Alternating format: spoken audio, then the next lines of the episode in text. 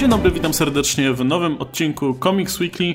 E, kiedy nagrywamy ten odcinek jest środa i e, ja i Oskar mieliśmy okazję zobaczyć Captain Marvel, więc też poniekąd zahaczymy o ten temat, ale wydaje mi się, że w momencie, kiedy ten odcinek ląduje w Spotify czy w aplikacjach podcastowych, już pewnie większość z Was miała okazję film zobaczyć, więc na razie nie będziemy chyba dzielić wrażeniami. Natomiast będziemy rozmawiać, myślę, szerzej i spoilerowo o Captain Marvel e, w naszym innym projekcie, napisach końcowych, gdzie pewnie będzie dyskusja spoilerowa w starym, dobrym stylu, więc zapraszamy już teraz.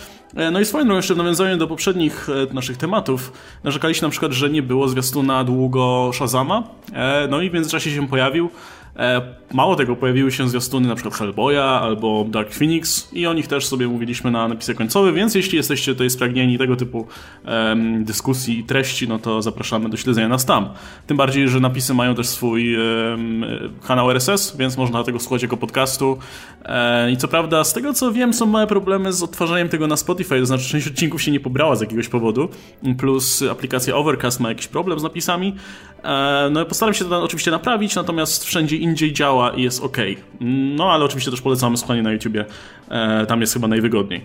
Czy, czy raczej najpewniej, no, bo, bo, bo jakby tak on, bo tu, tutaj nie wrzucamy jakby ścieżek e, sami, tylko to się dzieje automatycznie, no więc stąd pewnie rozmaite problemy wynikają, ale Comics Weekly takich problemów nie ma, więc możemy tutaj kontynuować. E, no i słuchajcie, zaczęło tutaj Captain Marvel, tak się składa, że ja mam propozycję, czy rekomendację Mar Captain Marvel, ale że już się nagadałem, to troszkę odpocznę. E, I słucham Państwa. Żółci tysiąc i, i licytujcie. Adam, go. Doomsday Clock. Dajesz tym Doomsday. Okej, okay, ja zaczynam. E, chciałem powiedzieć o Doomsday Clock numerze dziewiątym, który wyszedł właśnie. I chciałem powiedzieć, że był dobry? Duży znak zapytania. W sensie, moim zdaniem, od tego seria powinna była się zacząć, a wszystkie inne rzeczy powinny być, które do tej pory były prowadzone, powinny być albo opowiedziane we flashbackach, albo wrzucone do jakiejś serii pobocznej, czy coś w tym stylu. E, fabuła opowiada o tym, jak oczywiście e, Firestorm wybuchł w Rosji i zabił Władimira Putina, zdaje się, i, i jakieś i cały tłum innych ludzi. E, no i oczywiście tam Superman jest w areszcie, jest też nieprzytomny. E, Batman, Batman jakoś przeżył, nie wiem jak, ale przeżył.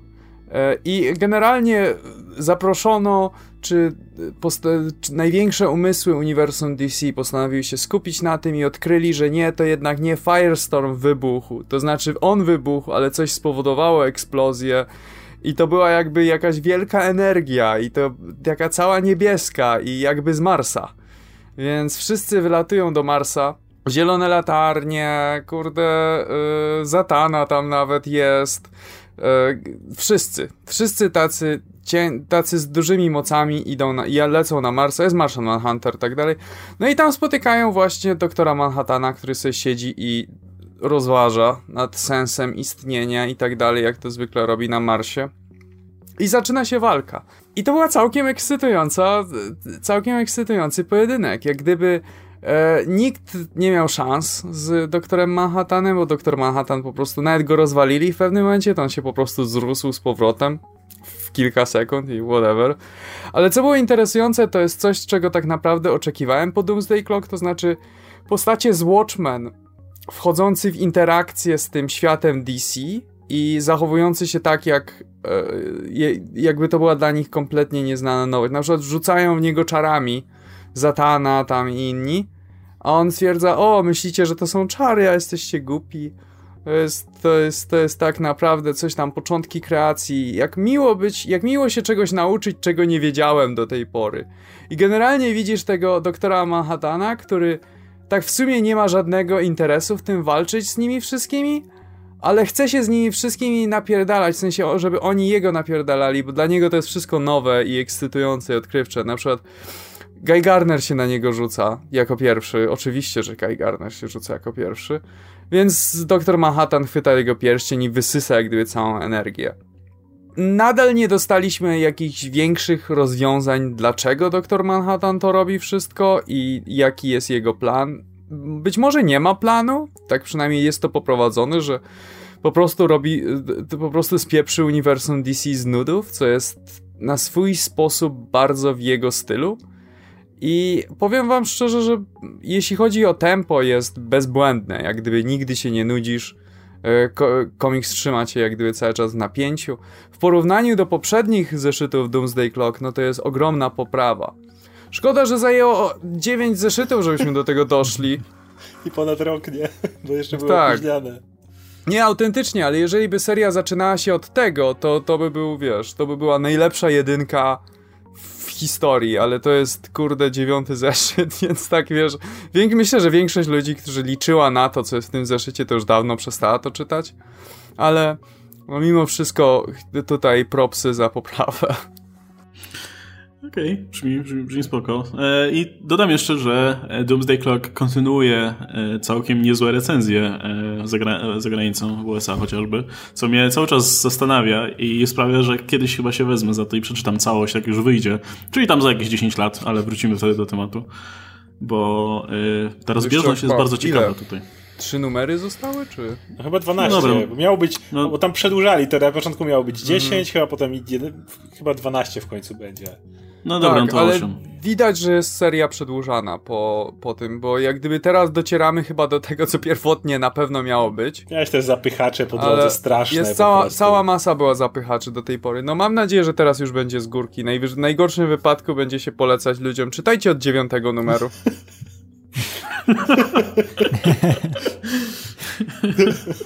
No okej, okay. to jest nasza rekomendacja w takim razie, jeśli chodzi o Doomsday Clock. Eee, no i kto kolejny chciałby się podzielić rekomendacją? Dawaj Oskar, jedziesz z Halkiem. Tak, e, czytałem Halka, 14 zeszyt Immortal Halka, już mamy, skończyła się akcja w piekle, skończyły się e, różne rozwiązania, idziemy dalej. Banner zadzwonił do Betty na końcu swojej historii w piekle i stwierdził, że chce wrócić do domu, tak, tak to się skończyło. Mm, nowy numer zaczyna się od pogrzebu generała Rossa, E, co jest, e, jeżeli ktoś chce wiedzieć o co chodzi z generałem Rossem, no to musi czytać Kapitana Amerykę, bo to nie jest istotne dla tej historii, a to też warto powiedzieć, że jakby nie musicie tego wiedzieć, bo ta historia nie porusza w ogóle motywów z Kapitana Ameryki, jakby nikt z obecnych na pogrzebie nie roztrząsa tego, jak umarł. Bardziej wszyscy zastanawiają się, czy umarł, bo jakby cały komiks zaczyna się. Um, widzimy go z perspektywy Betty Ross. Cały komiks jest prowadzony. I od razu jest powiedziane, okej, okay, jego pierwszy, pierwszy nagrobek stoi tutaj, jego trzeci nagrobek stoi tutaj, drugi nagrobek e, po cichu usunięto z wojskowego cmentarza, bo był zdrajcą, ale walczył z Avengers, musieli go postawić, a potem po cichu go usunęli. Więc jak facet czwarty raz jest, e, ma pogrzeb, no ciężko tutaj o chusteczki, wiecie, płacze i tego typu rzeczy, no bo powiedzmy, że może być to lekko kwestionowane. E, na pogrzebie jest bardzo mało ludzi, z istotnych osób jest Betty, tak jak mówię, nie płacze za tatą. Jest Tony Stark, który przyjechał mówić w imieniu bohaterów i strasznie jest tak niezręcznie. Tak, no, generał Ross, no, no, no skomplikowany facet, no no, no mieliśmy różnice, ale, ale kiedyś tam był Avengerem i w sumie nie mam więcej do powiedzenia i czujecie, że Tony tak próbuje no coś tam wykrzesać, jakąś mowę w imieniu e, bohaterów, ale ciężko tu o Rosie powiedzieć coś więcej. E, no ale jest jeszcze ten generał Fortin, Forten, który, który był w Shadow Base w poprzednim tym, w tej, tej akcji. E, I, I jakby wiemy, że dalszy ciąg historii Bannera będzie bardzo powiązany z tym Shadow Base. Ważne jest to, że Betty po całej akcji wraca do domu. Tu jest masa przemyśleń o tym, że nie, była, nie miała w ogóle bliskiej relacji ze swoim ojcem, tego typu rzeczy. No ale kiedy dociera do jakiejś takiej ewidentnie jakiegoś domku w lesie, jakaś chatka myśliwska czy cokolwiek to jest, no, spotyka się tam z banerem, który na nią czeka. E, no ale Betty szybko, szybko jest w stanie rozkminić, że jakby są obserwowani, że coś jest nie tak, więc chowają się szybko do domu. E, no i wszystko obserwuje, mm, jak on się nazywa, zawsze zapominam. A ten agent, który jest w stanie zmieniać swoje ręce w bronię. Pamiętacie, jak się nazywa? Bearbank. Bearbank. Bushwhacker. Bushwhacker, tak. E, no i on to wszystko obserwuje, tam przez, przez y, y, stworzoną przez siebie snajperkę. Przy czym no, jest taki problem, że są w tym domu, i on to widzi tylko na podczerwieni i nie jest w stanie określić, gdzie stoi Betty, a gdzie stoi Bruce. A jego szef, który był wielkim fanboyem Rossa, dopóki Ross sam nie zmienił się w Hulka i nie zaczął ganiać, ale to nic, bo jest super fanboyem Rossa, no mówi, że nie strzelać, żeby nie strzelać, bo dzisiaj Betty pochowała ojca, więc tutaj nie, nie, nie robimy akcji, w którym zaraz Betty zostanie zastrzelona. Problem polega na tym, że Bushwhacker, jeżeli ktoś czytał akcję Hulk w piekle, to pamiętacie, że był w pobliżu całego zajścia z zielonymi drzwiami i jak się tutaj dowiadujemy, również go wciągnęło tam wtedy. I gość ma trochę nie po kolei w głowie. Ciężko się dziwić, patrzę, co mógł zobaczyć tam po drugiej stronie, co widzieli inni bohaterowie. No i trochę mu odwaliło i trochę, trochę chce szybko pozbyć się banera, bojąc się, że znowu go tam wciągnie, czy coś takiego. No i w końcu nie wyrabia i pociąga za spust. Jak można się domyśleć, ponieważ nie był w stanie rozróżnić sylwetek, Betty Ross dostaje kulkę w głowę. E, natomiast e, no, jest noc i, i, i generał Fortin mu do słuchawki krzyczy, że nie strzelał, noc jest, noc jest facet, nie strzelaj. No ale, ale oczywiście on strzela, e, wiadomo co, co, co, co, co się dzieje, Hulk wylatuje, e, gość, jest, gość jest w ogóle już kompletnie Bushwalker powalony, stwierdza, że zdejmie Hulka, bo czemu nie? Żaden problem. Oczywiście tam rozwala mu pół czaszki, ale, ale, ale wie, wiemy w jakim stanie jest teraz Hulk, jeśli chodzi o, o wracanie. Natomiast co, co jest bardzo interesujące i może bardzo rozwinąć dalszą historię, e, to moment, w którym generał Fortin krzyczy, że Durniu, spałeś podczas naszego retraining? Jeżeli nie ma dnia, to on nie umiera, po czym dodaje, żadne z nich nie umiera i w tym momencie widzimy Betty, której oczy zaczynają się na czerwono świecić. I teraz pytanie, ponieważ Betty, jak wiemy, straciła swoje moce, jak Doc Green chodził i tam wszystkim jakieś serum strzelał i jakby nie patrzeć, generał Ross też w ten sam sposób stracił moce, więc jeżeli nano nią to działa, to czy przypadkiem nie spowoduje to, że Ross prędzej czy później się z tej ziemi wykopie? Więc mamy nagle nie Immortal Hulk, a Immortal Hulks, jakby coś się zepsuło w kwestii halkowania. I to może wpłynąć znowu na historię Kapitana Ameryki, który jest posądzany o zamordowanie generała Rossa, ale jeśli generał Ross zaraz się odkopie, no to może niekoniecznie. Yy, ale najciekawsze jest też w tej historii, że zanim dochodzi co, co do czego, zanim Hulk jest w stanie rzucić się i rozszarpać tego Bushwalkera, no to jak się okazuje, Betty zadzwoniła po pomoc, no i na scenę wchodzi najsławniejszy, nieudolny psychiatra Hulka, który pojawia się, Doc, Doc Samson i oczywiście Cześć Hulk i to jest najlepszy. Ostatni kadr wygląda tak, że mamy wszystko z zapleców Hulka, czyli widzimy Hulka, który nie ma połowy czaszki, bo tam akurat mu strzelił Bushwalker i się jeszcze zrasta i przez tą połowę czaszki widzimy Doka Samsona, który stoi i mówi jestem twoim doktorem, spróbuj tutaj zachować spokój, porozmawiajmy i mniej więcej tak kończy się, kończy się ten zeszyt, więc mamy dalej ten, ten motyw. Hulk jest dalej tą, tą, tą postacią z horroru, którą, która może biegać mózgiem, który mu wycieka i, i rzucać się na ludzi. Więc no, jesteśmy na tym etapie, gdzie będziemy rozważać, gdzie Hulk będzie. Wydaje mi się, że jakby Hulk pogodził się ze sobą na tym etapie w, w swojej historii, i teraz będziemy widzieć, jak Hulk, ten nasz Devil Hulk, ten, ten nowy Hulk niejako, zacznie wchodzić w interakcję z najważniejszymi osobami w życiu Banera, bo jakby już swój bałaganik jakoś tam uprzątnął, to teraz czas trochę bałaganik innych ludzi, na których, których może on spowodował, jak osób, na których, no, no, w których życiu Banner jest istotny, jakoś w to wejść, więc będzie Betty oczywiście, Doc Samson i kto wie, jakie postacie pojawią się w przyszłości. Myślisz, że Ross odżyje znowu? No, jeżeli Betty wstała, to czemu nie Ross? Jakby... Bo też Nie no, bo wiesz, tak jak tak wspominałeś zresztą, no Ros jest częścią tej historii e, w kapie. Co prawda jest bardziej no, taką pasywną stroną bym powiedział, bo tu też. E, za, zabawne jest też to, że wspomniałeś o tym, że w sumie no, nik nikogo nie interesuje jak on zginął i tak dalej. Chodzi o to, że zginął i tyle. I, i o to chodzi. I dokładnie tak samo w Skapie, nie? Też tam nikogo nie obchodzi jak on zginął i tak dalej. Znaczy może jak zginął to jeszcze raczej, czy raczej kto go zabił, ale też wiesz, nie wiadomo, to się działo poza kadrem i w sumie głównie chodzi o to, że on zabił i, i tylko kto jest podejrzany.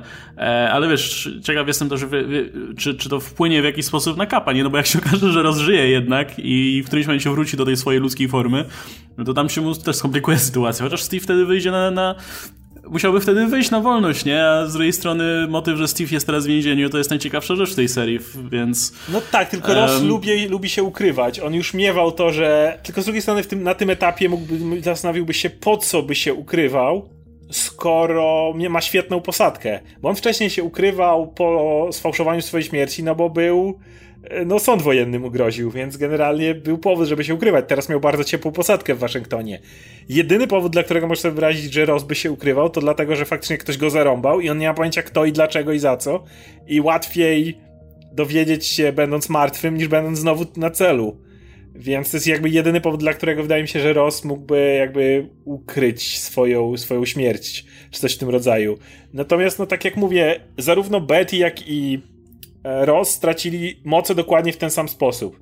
Więc jeśli Be i, i oboje mają identyczne, oboje byli red, więc jeżeli Betty świecą się oczy na czerwono, to czemu nie Rossowi? Jakby jest różnica w tym Immortal Hulku, kiedy on wyssał moc ze Sasquatcha, no to już był ten powiedzmy bardziej magiczny Hulk. To była ta cała, ta nowa moc, jego wysysanie energii gamma, tej jakiejś esencji, bytów z tym związanych, no to co to, to się dzieje teraz. No ale tamci przez jakieś serum się zmienili, a skoro przechodzimy teraz, przenosimy trochę Hulka od promieniowania gamma i nauki w stronę bardziej jakichś tych mistycznych terenów, no to w takim razie, no to te serum to do Green może się wsadzić, więc prawdopodobnie mówię, będzie to działało, więc kto wie, czy, czy A-Bomb w końcu też gdzieś tam się nie, bo o Riku Jonesie też wspominają, czy nie, nie, nie będzie Night of the Living Hulks na przykład.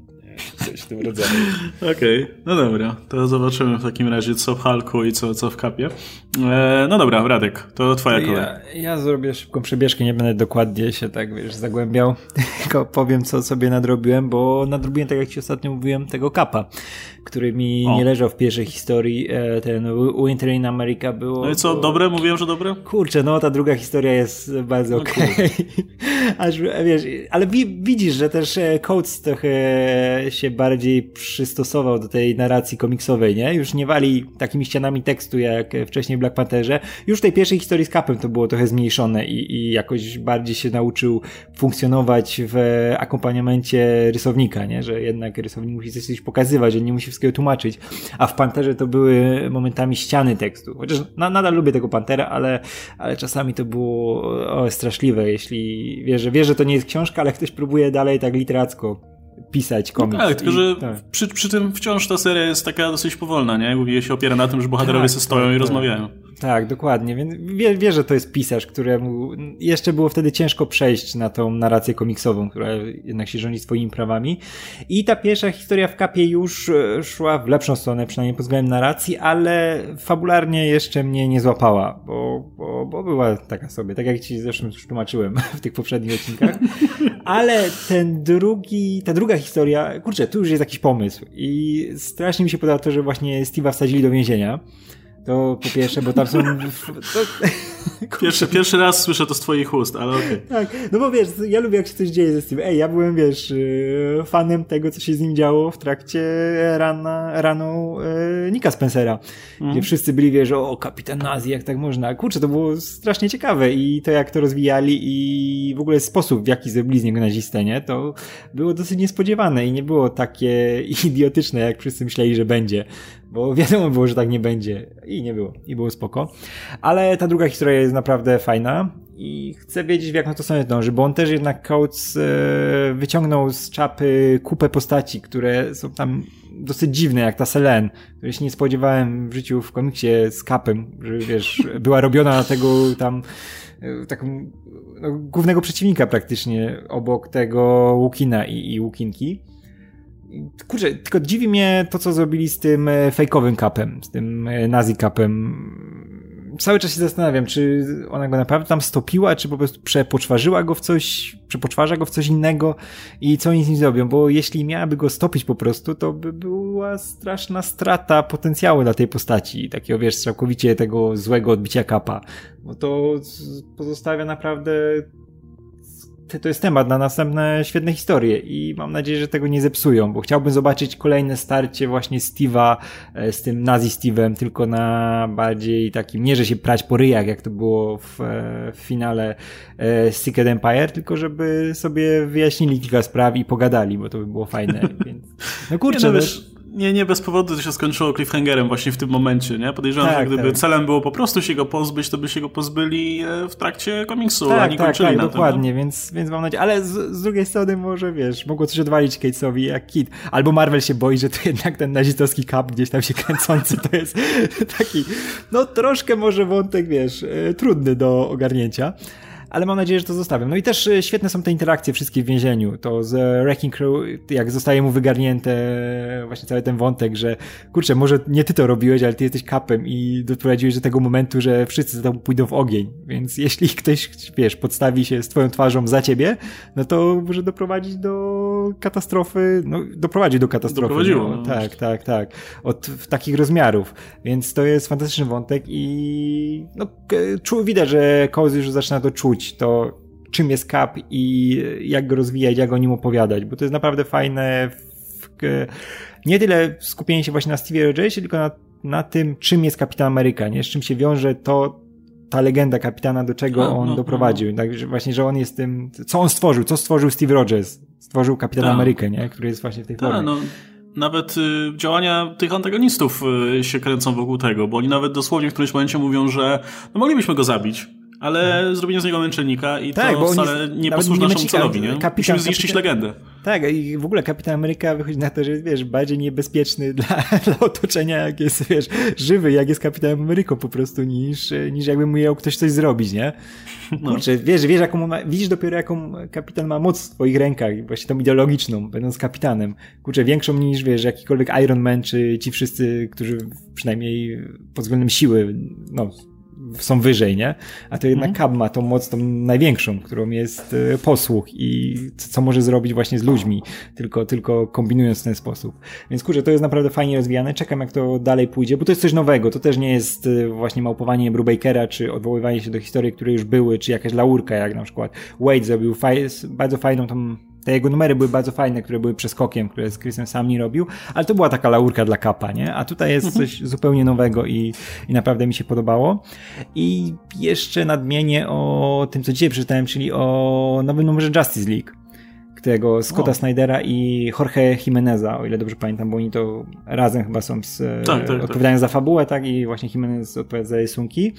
Bo kurczę, ja tą serię w pewnym momencie mnie zmęczyła, gdy chyba, chyba Tynion wszedł z tą historią o Hawkmanie i znaczy o, byli tam w tym Hogwarts i, i, i tam kombinowali dalej z tym multiverse. O, to było zakręcone. Plus, i... plus y, Tynion tam pisze te zeszyty, które się skupiają na wylanach. Te wiesz, tak, pojedyncze, tak, które się tak, pojawiają tak, co jakiś tak, czas, tak. nie? On to pisze. Tak, ale on też odpowiadał... I, i czujesz, że on to pisze, nie? To tak, jakby widać od razu. Oj, I to było tak męczące. Ale w ogóle cała ta historia też z tym, z tym Howgordem i, i tym, co się tam działo, to było e, takie, takie sobie. Później była fajna ta, ten jeden numer, gdzie była relacja między Lutorem a Martin Manhunterem.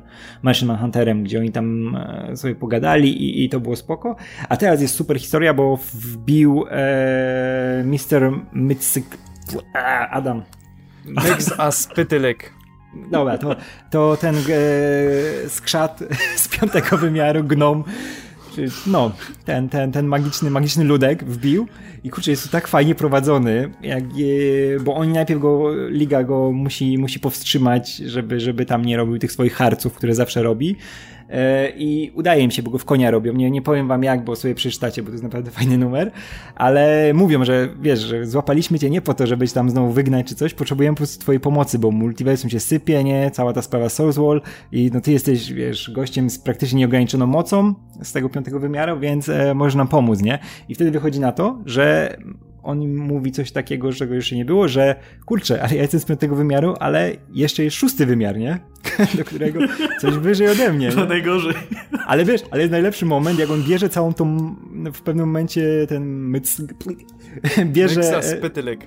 A dobra, ten gnom bierze e, mapę Morrisonową, wiesz, w ręce, tą, którą była w Multiversity, jak było za czasów, wiesz, ta cała no, no. no. nie? I tak im pokazuje, wiesz, tak w trzech wymiarach, nie? Że, wiesz, w czwartym, piątym, że to, to jest ta mapa, to jest multiversum, a tutaj jest ten szósty wymiar, nie? I tam, tam są rzeczy, które, wiesz, cuda nie widy i tam znajdziecie rozwiązanie i wiesz, ktoś tam musi pójść to jest ryzyko, nie? To kto, kto, kto może powiedzieć, że tam pójdzie, nie? No, tylko jedna osoba może powiedzieć, czyli wyskakuje Superman, nie? I dobra, ja, ja zaryzykuję, zobaczymy co będzie. W ogóle ma super relację z Batmanem, też nie chcę tutaj za dużo spoilerować, bo to warto sobie zobaczyć, e, wiesz, na, na, na pierwszym momencie, jak to wygląda. E, I w ogóle jeszcze, zanim, zanim się ten szósty wymiar z, zrobił, jak łapali e, tego gnoma, to on całe to miasto zaczarował. Wiemy, jak on robi, że zmienia tą rzeczywistość i w pewnym momencie budynek Daily Planet zamienił się w takiego wielkiego potwora, który zaczął wpierdalać budynek e, Bruce'a Wayne'a. I to było cudowne, jak Superman nagle mówi, ej, znaczy Batman mówi, ej, twój budynek zjada mój budynek, nie? Tam są, takie cudow, cudowna jest ta relacja, nie? Że Batman taki smutny. I, albo w którymś momencie ten e, Mecek Pyk mówi, że... Mm, że wiesz, że Gotham jest, e, niby wszyscy mówią, że Gotham jest e, fajniejszym miastem, nie wiem czemu, niż Metropolis, ale on woli wracać do Metropolis, nie? I tak Batman stoi z boku, Gotham jest fajniejszym miastem, nie? Nie, i widać, że Snyder, Snyder ma taką bekę z tej relacji całej, nie? Albo, że ba, ten e, Batman sobie wypełnia kostium, żeby, wiesz, mieć większe bary przy Supermanie, coś takiego.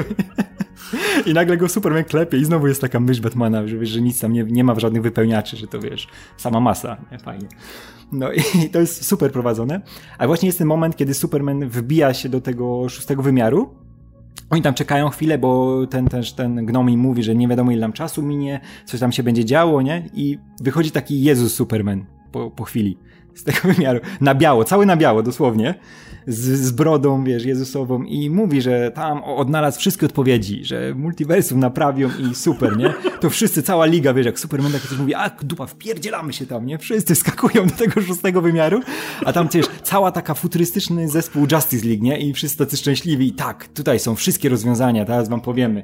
Ale tu jest myk, że się okazuje, że dostajemy ostatnią stronę, gdzie Superman wpada w ogóle w jakąś ciemność, yy, wiesz, nic tam nie ma, jest sama pustka i pełno trupów, pełno szkieletów. I on leży w takim jakimś przepastnym, całym uniwersum, cały ten szósty wymiar, to jest tak jakby właśnie złożony z samych trupów, kości i wszystkiego i Superman tam zaczyna, wiesz, napieprzać promieniami, a tam nie ma słońca, nie? I właśnie tam jest napis, że, wiesz, że to jest chyba koniec, bo nie wiadomo gdzie to jest i, i w ogóle wielka tajemnica, znowu nowa. Czym jest ten szósty wymiar i w ogóle kim jest e, no, Gnom, nie? Bo w, wysłał ich tą inną stronę i kim jest ta liga, która się pojawiła zamiast Supermana, nie? Kim jest ten Superman, co wyszedł. I kurczę, i widać, że to ma taką radochę z pisania tego Snyder i to jest tak fajnie poprowadzone. Kurczę, dawno się tak nie bawiłem dobrze na komiksie DC, więc e, polecam w ciemno, bo relacje między postaciami to jest taki typowo blockbusterowy komiks Justice League, jaki powinien być. I to bardzo mocno mi przypomina to, co robił w najlepszych czasach Justice League e, Morrison, nie? Że to są całkowicie kaganiec jest zdjęty, może idzie tam wszystko i tutaj się dzieje zupełnie wszystko i czyta się to naprawdę super. Mam nadzieję, że Snyder dalej będzie szedł w tą stronę, bo ogólnie cała ta historia z tym, że się multiversum sypie i te Soulswall i to wszystko to jest naprawdę coś, z czym coś, co powinno być w komiksach Justice League, nie? Czyli ta poprzeczka jest postawiona jak najwyżej. No i zobaczymy, jak będzie dalej. Ale polecam, polecam. Nie czytajcie poprzednich nawet, tylko od 19 można zacząć spokojnie. No. Okej, okay, to już brzmi jak najlepszy komiks na świecie. To jest, to jest, to jest moja laurka. To mi się strasznie podobało. pewnie wiesz, pewnie podniosłem poprzeczkę za wysoko teraz, ale jest, jest naprawdę warte zobaczenia. Okej, okay. E, no dobra, to jeszcze, jeszcze, jeszcze moja kolej została. No to ja z okazji premiery filmu nadrobiłem e, drugi zeszyt Captain Marvel, tej regularnej serii, e, ale też wyszedł, i od, od tego zacznę, wyszedł one shot pod tytułem Captain Marvel Braver and Mightier, który, no oczywiście wyszedł z okazji filmu i to jest ten zeszyt, który myślę, że sprzedawcy w sklepach komiksowych będą wciskać ludziom, którzy przyjdą po cokolwiek z Captain Marvel, a nie będą wiedzieli co wziąć. No, jest, jest widać, że pisany pod film, nie w tym kontekście, że nawiązuje jakoś do filmu, bo e, tak jak mówiłem, już jesteśmy po filmie i, i tutaj nie ma żadnych powiązań, natomiast e, ten zeszycik ma, myślę, na tych paru stronach powiedzieć ludziom generalnie, kim Captain Marvel jest. A o tym już mówiliśmy jakiś czas temu, mieliśmy nawet cały temat poświęcony temu. No, z racji tego, że ostatnie serie się pojawiały i znikały, to ciężko było to określić, nie mówiąc już o jej koszmarnym, koszmarnej charakteryzacji w, kontekście tutaj pisania jej, nie, nie oczywiście wyglądu, e, w Civil War 2, który pozostawiła spory niesmak. E, no teraz trwa ta misja naprawcza, że hej, zróbmy z Captain Marvel z powrotem fajną postać, co miało miejsce całkiem niedawno, jak tę postać pisała Kelly Sue DeConnick i fajnie, że, że starałem się do tego wrócić. Więc to, to, tak króciutko, ten zeszyt generalnie zaczyna się od tego, że Captain Marvel jest w kosmosie i walczy z falą jakichś, mm, nie wiem, kosmitów z wrogimi zamiarami wobec Ziemi. Natomiast w tym samym czasie na, na Ziemi mamy Dzień Carol Danvers, e, czymkolwiek jest to święto, gdzie mamy jakąś taką konferencję prasową, generalnie jakieś święto poświęcone tej postaci, gdzie zebrano dziennikarzy, jakichś tam przedstawicieli mediów, e, w tym też dwójkę nastolatków, którzy mm, dostali szansę jako z jakiejś gazetki szkolnej tutaj być, reprezentować tę gazetkę jako no, przedstawiciele młodzieży, tak? To wyobrażam sobie, że coś takiego faktycznie miałoby miejsce. No i dostali możliwość zadania jednego pytania e, Karol, kiedy już się pojawi na miejscu, ale jest zajęta w kosmosie. E, więc e, generalnie obserwujemy sobie albo akcje jak z Karol w kosmosie, albo jak te dzieciaki gadają o Captain Marvel. I do tej pory tak czytam, mówię, o fajnie, no znowu jeden z tych zeszytów, gdzie mamy bohaterów, którzy mówią, że o, ale ta bohaterka jest fajna. Ja już miałem dosyć tego rodzaju pisania u Dana Slota, ale bardzo szybko się to zmienia, bo Karol w końcu pojawia się na miejscu, po pierwsze, najpierw rozwiązuje problem, e, co mi się bardzo podobało, rozwiązuje problem w kosmosie nie strzelając promieniami z rąk, ani dając pię z pięści komuś, tylko e, wzywając do pomocy e, Alpha Flight, która rozwiązuje problem naukowo, więc ona może wrócić w końcu na Ziemię, i, no i wziąć udział w tym, tym swoim dniu. E, no i w końcu i, i komiks kończy się właśnie w tym momencie, kiedy ta dwójka nastolatków ma szansę zadać pytanie Captain Marvel. I ona mówi, że nie, no słuchajcie, możecie mi zadać tyle pytań, ile chcecie, bo jestem sympatyczną bohaterką, nie tak jak Bendis pisał. E, więc, e, ale oni mówią, nie, dobra, słuchaj, no mamy jedno pytanie dla ciebie. Mieliśmy tyle czasu, że wymyśliliśmy jedno idealne pytanie. Zadaję mi pytanie, czy e, gdyby cofnęła się w czasie to jaką radę dałaby młodszej sobie? I jak znamy e, losy Captain Marvel czy Carol Danvers ogólnie, no to wiemy, że e, parę rzeczy się nasuwa na myśl. Na przykład, ej, nie wiąż się z tym gościem, który cię tutaj zgwałci i każe ci urodzić samego siebie. E, albo y, unikaj e, kogoś o imieniu Rogue, bo to może się źle skończyć. E, no ale nie, odpowiedź, odpowiedź Carol brzmi, że w sumie powiedziałaby, że Ej, masz rację, rób to, rób to, co robisz. E, I no, konkluzja jest taka, że Karol twierdzi, że zarówno jej wzloty, jak i upadki, których, te, które, których też jest tutaj wspomniane, no, czynią ją tą osobą, która jest dzisiaj, więc fajnie i ogólnie o to chodzi w życiu, że e, nie tylko oczywiście sukcesy, ale też porażki tak naprawdę budują nasz charakter i, i to, kim jesteśmy.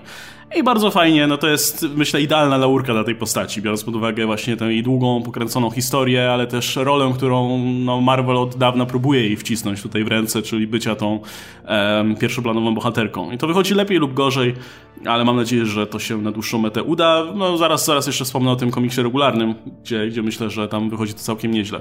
E, co ciekawe, autorką tego komiksu jest Jodie Hauser, która jest, y, może nie jest jeszcze bardzo rozpoznawalnym nazwiskiem, ale to jest pani, która napisała na przykład e, Mother Panic, e, czy całkiem nieźle ocenianą, ja niestety nie czytałem, serię Faith mm, w Valiancie.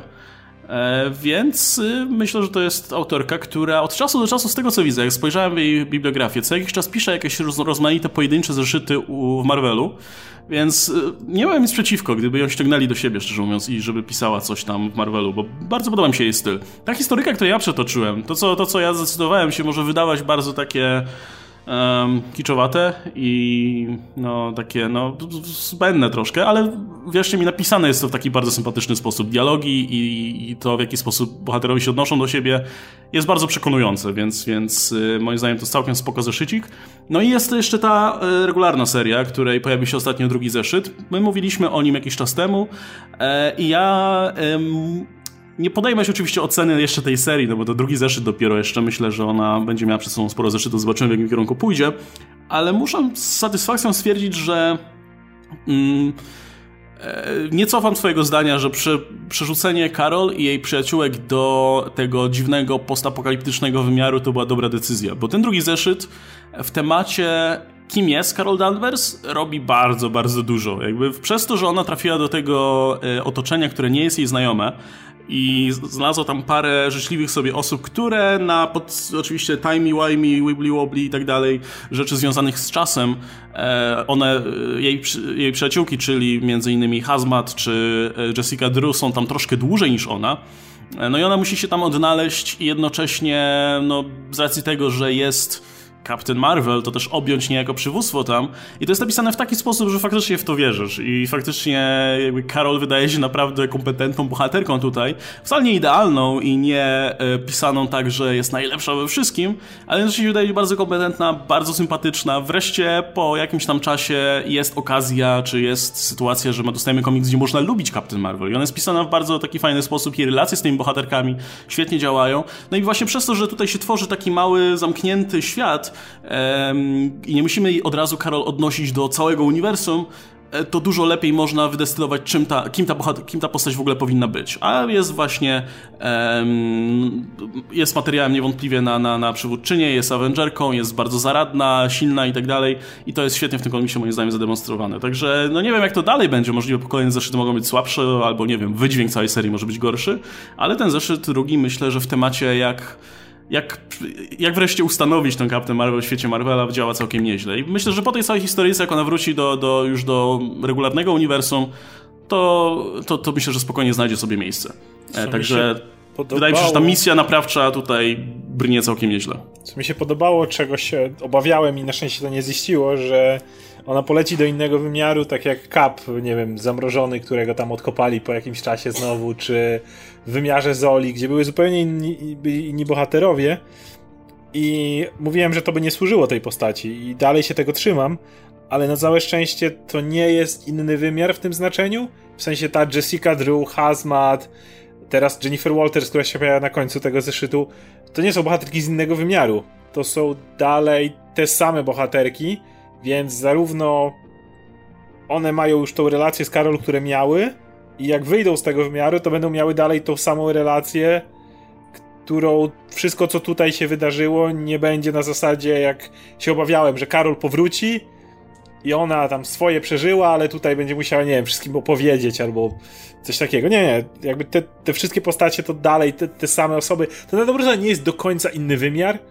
To jest bardziej na zasadzie takiej, że jest bańka, która otacza jakiś obszar e, w Nowym Jorku i nie można tej bańki przekraczać. W niej trochę inaczej płynie czas i to, co jest pod bańką, wygląda inaczej z perspektywy osób, które siedzą pod bańką, a inaczej z perspektywy osób, które są na zewnątrz tej bańki. Ale to nie jest tak, że na przykład pojawił się portal i się zamknął, tak jak można było sądzić w pierwszym e, zeszycie. Nie, nie, ta bańka cały czas tam stoi. Cały czas bohaterowie z zewnątrz się otaczają, Avengers dalej kombinują, jak się przebić na drugą stronę, więc to nie jest takie przeniesienie się do innego wymiaru, jak się obawiałem. Także to zamknięcie z mm, koleżankami, że tak powiem, jest spoko. Mówię, gorzej by było, gdyby to była taka kompletnie osobna historia, taką jak pisała trochę Kelly Sue, której według mnie nic nie ujmując, kocham tę serię, najlepsza historia Captain Marvel, ale na tą chwilę według mnie nie służyłaby Karol.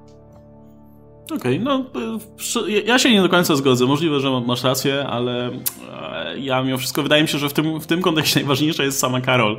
I gdziekolwiek by ona nie trafiła, to trzeba jej stworzyć takie warunki, żeby wreszcie ustalić, e, jakimi wiesz, cechami się charakteryzuje, bo do tej pory trudno było to, to streścić. E, ale no, na pewno jest to wartość dodana, że mamy te postacie, z które pewnie wrócą też z powrotem do swojego uniwersum. Zresztą to się przysłuży do ich rozwoju, nie? No, Jessica Drew raczej przez jakiś czas nie, nie, nie dostanie swojej serii, myślę. A prawdopodobnie będzie będzie się w tej serii z e, Captain Marvel pojawiać, no bo też widzę, że e, Kelly Thompson ją dobrze pisze i ta relacja między nimi jest, jest super nakreślona. Fajnie, że Jen na końcu wrzuciła do tej mieszanki. No, She-Hulk teraz też jest w Avengers, więc to nie jest tak, że tej postaci nie ma, e, ale no tutaj też będzie miała trochę inne warunki, a ja ostatnio dzieje się z nią tyle, na tyle sporo, że tutaj też jakby jest pole do popisu jak Karol może próbować poradzić, pomóc Jen, jak Jen może radzić sobie w tych okrojonych warunkach. Więc y, właśnie to są te postacie, które fajnie, że mają, będą miały trochę miejsca. No, także jeśli chcecie, e, jesteście pod wrażeniem filmu, albo wręcz przeciwnie i chcecie zobaczyć jakieś komiksy z Captain Marvel, to poza tymi sztandarowymi pozycjami od Kelly Sue DeConnick e, warto sięgnąć. Jeśli chcecie czytać na bieżąco oczywiście, to warto sięgnąć po, po te dwa pierwsze zeszyty, przynajmniej na razie. No i ten one-shotcik, jeśli ktoś chce skonsumować na szybko, no to też, też jak najbardziej można. Ja nie mówiąc już o tym, że Karol jest tam dalej w Avengers, nie? No to, ale Avengers to myślę jakiś osobny temat trzeba będzie niedługo zrobić, bo tam też się dzieją rzeczy. A będą działy się jeszcze większe, to tak swoją drogą. Mm, no dobra, to tyle jeśli chodzi o nasze rekomendacje komiksowe. I przejdźmy do naszego tematu, bardzo tutaj luźnego dzisiaj e, i takiego, no powiedzmy, z pogranicza e, wielu dziedzin sztuki, można by powiedzieć, Wow. nie tylko komiksowej. No to, to prawda. Poważnie. No, ale oczywiście punkt wyjścia był bardzo prozaiczny, bo e, kombinowaliśmy sobie, jakby tu może, no kombinowaliśmy w sumie, ja, ja, ja chyba na tym kombinowałem, jak to by powiązać może jakoś temat z tym, z Captain Marvel, plus y, już nasi słuchacze podrzucali nam na przykład temat o rysownikach i tak zacząłem sobie kombinować, kurczę, jakby tak pogadać o strojach bohaterów. Szczególnie, że akurat ten redesign stroju e, Carol Danvers, która między tą serią Miss Marvel, a tą serią już Captain Marvel y, no, zmieniła swój strój, zmieniła swój pseudonim, no i ten, ten, ten, e, ten jej redesign no, był jednym z, takim, z takich, które się ocenia najlepiej, szczególnie z perspektywy czasu. Przyjął się ogólnie bardzo dobrze. No nie mówiąc już o tym, że teraz też film wykorzystuje ten design. Może nie do końca tak samo, ale no, adaptuje go na swoje potrzeby i wpisuje w, w swoją fabułę. E, No więc zacznijmy może od, od, tej, od tej Karol, e, bo ja to pisałem na Facebooku tak troszkę skrótowo, więc może tutaj to jeszcze lekko rozwinę. Też historia stojąca za tym designem jest bardzo ciekawa, bo jak e, pewnie część z Was może kojarzyć, e, jak Karol dostała te swoje moce, które oczywiście już są zredkonowane, więc nieważne, ale, ale dostała, i stała się Miss Marvel, no to w zasadzie od samego początku nie miała dużego szczęścia do kostiumu, bym powiedział, bo ona najpierw e, latała sobie w tej takiej czerwonej górze i czarnych majtkach z jakiegoś powodu. E, No a potem e, poza tymi rozmaitymi e, no, wypadkami, kiedy, kiedy nie wiem, zdobywała nowe moce i stawała się binary na przykład, no to na dłużej miała jeszcze ten czarny kostium kąpielowy, który z tym żółtym symbolem i, i czarną domino mask. I oczywiście wysokimi do ud y, szpilkami, nie? Co, jest co brzmi jak najmniej wygodny kostium superbohaterski w historii. E, co zresztą y, całkiem fajnie wyśmiała J. Willow Wilson w serii Miss Marvel, gdzie Kamala w którymś momencie się przeistacza w tą, bo ona potrafi zmieniać kształt oczywiście, zamienia się w, w Carol, w, w Miss Marvel, powiedzmy, w tym swoim klasycznym wizerunku. I pierwsze, co, no, pierwsze, na co zwraca uwagę, to to, że się wrzyna ta, ten dół mocno w tyłek. To jest... ym, I teraz z tego co ja pamiętam, nawet jak ona dostała, na początku ten kostium, to nie był jeszcze taki specjalnie skąpy, ale oczywiście potem, kiedy dobrali się do niej e, metaforycznie rozmaici artyści, no to ten tył się robił coraz bardziej tutaj mniej zakrywający i, i, i w końcu doszło do absurdu, gdzie na przykład w wykonaniu Franka Cho, ile dobrze pamiętam, to ona w ogóle latała ze stringami po prostu w, e, z, go, z całkowicie gołym tyłkiem. Myślę, że odejmowały trochę prestiżu jako, jako ważnej superbohaterce. No ale taka specyfika, nie? chcę się tylko bo owszem, e, dół, w sensie miała majtki w pierwszym kostiumie, ale na po raz pierwszym pojawieniu się, i to jest ciekawe, że była wtedy też symbolem feminizmu w, w latach 70., kiedy się pojawiła, no miała odkryty pępek, miała specjalne wycięcie w swoim kostiumie. To, e, góra była bardzo zakryta. Miała pełne rękawiczki od, od palców do, do torsu, była cała zakryta, więc tutaj jakby mamy bardziej zakrytą Karol, ale im niżej, tym, tym mniej. Było już takie mocne wcięcie, żeby był odkryty pępek, potem były majtki, no przynajmniej nie stringi, no a potem już gołe nogi kompletnie i, i buty. I kozaczki oczywiście. I kozaczki, więc y, aczkolwiek tutaj warto dodać szybko zobaczono, że ten odkryty pępek to może jednak nie i jeszcze w tym samym ranie, czyli właściwie na samym początku mały redesign i po prostu e, pępek jej zasłonili i wtedy dopiero golizna zaczynała się od ud w dół. Więc, więc y, tak, a później tak jest, zaczęło się dziać tak jak mówisz. No, ale okej. No i w, ostatnich czasach, powiedzmy, no widać troszkę zmiany ogólnie w projektowaniu kostiumów superbohaterom. I myślę, że jeszcze będziemy do tego nawiązywać w tym podcaście, więc ja tylko tak, no powiedzmy, nakreślę le- lekko ten temat. E, No jest teraz taki trend, żeby jednak projektować te kostiumy w taki sposób, żeby one wyglądały bardziej użytkowo, nie? One zazwyczaj nie są już po prostu, e, nie wyglądają jakby były namalowane na ciele zazwyczaj, jak to, jak to klasycznie się rysowało te kostiumy, ale wyglądają jak, wiecie, jakieś kurtki, jakieś, jakieś e, nie wiem, spodnie wojskowe, tego typu rzeczy. E, I mają wyglądać bardzo użytkowo albo też ewentualnie tak jak e, coś, co można by faktycznie uszyć i założyć bohaterowi. Myślę, że to też jest w dużej mierze wpływ chociażby filmów, gdzie jednak no, trzeba było te kostiumy dostosować do, no, no, do tego, jak, jak, jak to się będzie prezentować na ekranie, i prawdziwych materiałów faktycznie, więc też estetyka się myślę zmieniła i też postrzeganie generalnie ludzi mm, czy strojów superbohaterskich przez publikę się zmieniło, więc też to zaczęło tutaj wchodzić mocno do komiksów. W związku z tym, jak Kelly Sue DeConnick przejęła Miss Marvel i stwierdziła, że ok, zrobimy z niej jakąś ciekawą bohaterkę, i wymyśliła sobie właśnie ten motyw, że, e, że Miss Marvel stanie się Captain Marvel, bo e, najwyższy czas, żeby ktoś przejął ten wielokrotnie przejmowany przez różnych bohaterów, e, wielokrotnie przejmowany przez różnych bohaterów miano e, i Karol wydawała się najodpowiedniejszą osobą. E, no to też musiałaby iść za tym mimo wszystko zmiana stroju, no bo Captain Marvel biega, latająca tutaj w tym kostiumie kąpielowym średnio. E, tylko problem był taki, że no, Captain Marvel nie była specjalnie, czy Miss Marvel wcześniej nie była specjalnie popularną serią. W związku z tym Marvel nie specjalnie chciał wykładać pieniądze na jakiegokolwiek artysty, żeby im projektował strój. E, więc Kelly Sue DeConnick zawzięła się i stwierdziła, że odezwie się do Jamie'ego McKelvey, który jest, jest oczywiście bardzo tutaj znanym e, w, artystą komiksowym. Możecie go znać z The Wicked and the Divine, czy z Young Avengers, czy z serii też niezależnej Fonogram. E, który ma dobrą rękę właśnie do projektowania strojów. Zresztą było swego czasu, się nazywał Project Rooftop chyba, taki blog, czy powiedzmy inicjatywa, społeczność ludzi, która, artystów przede wszystkim, którzy na własną rękę sobie zajmowali się właśnie redesignowaniem strojów bohaterów, tak hobbystycznie powiedzmy, fanowsko, no żeby zamieniać te takie troszkę już przestarzałe stroje na coś takiego bardziej właśnie użytkowego, nie? W tym duchu powiedzmy te zmiany, zmiany e, następowały. E, więc McKelvey wydało się odpowiednią osobą, żeby zaprojektować strój, który będzie odpowiedni dla postaci o pseudonimie Captain Marvel.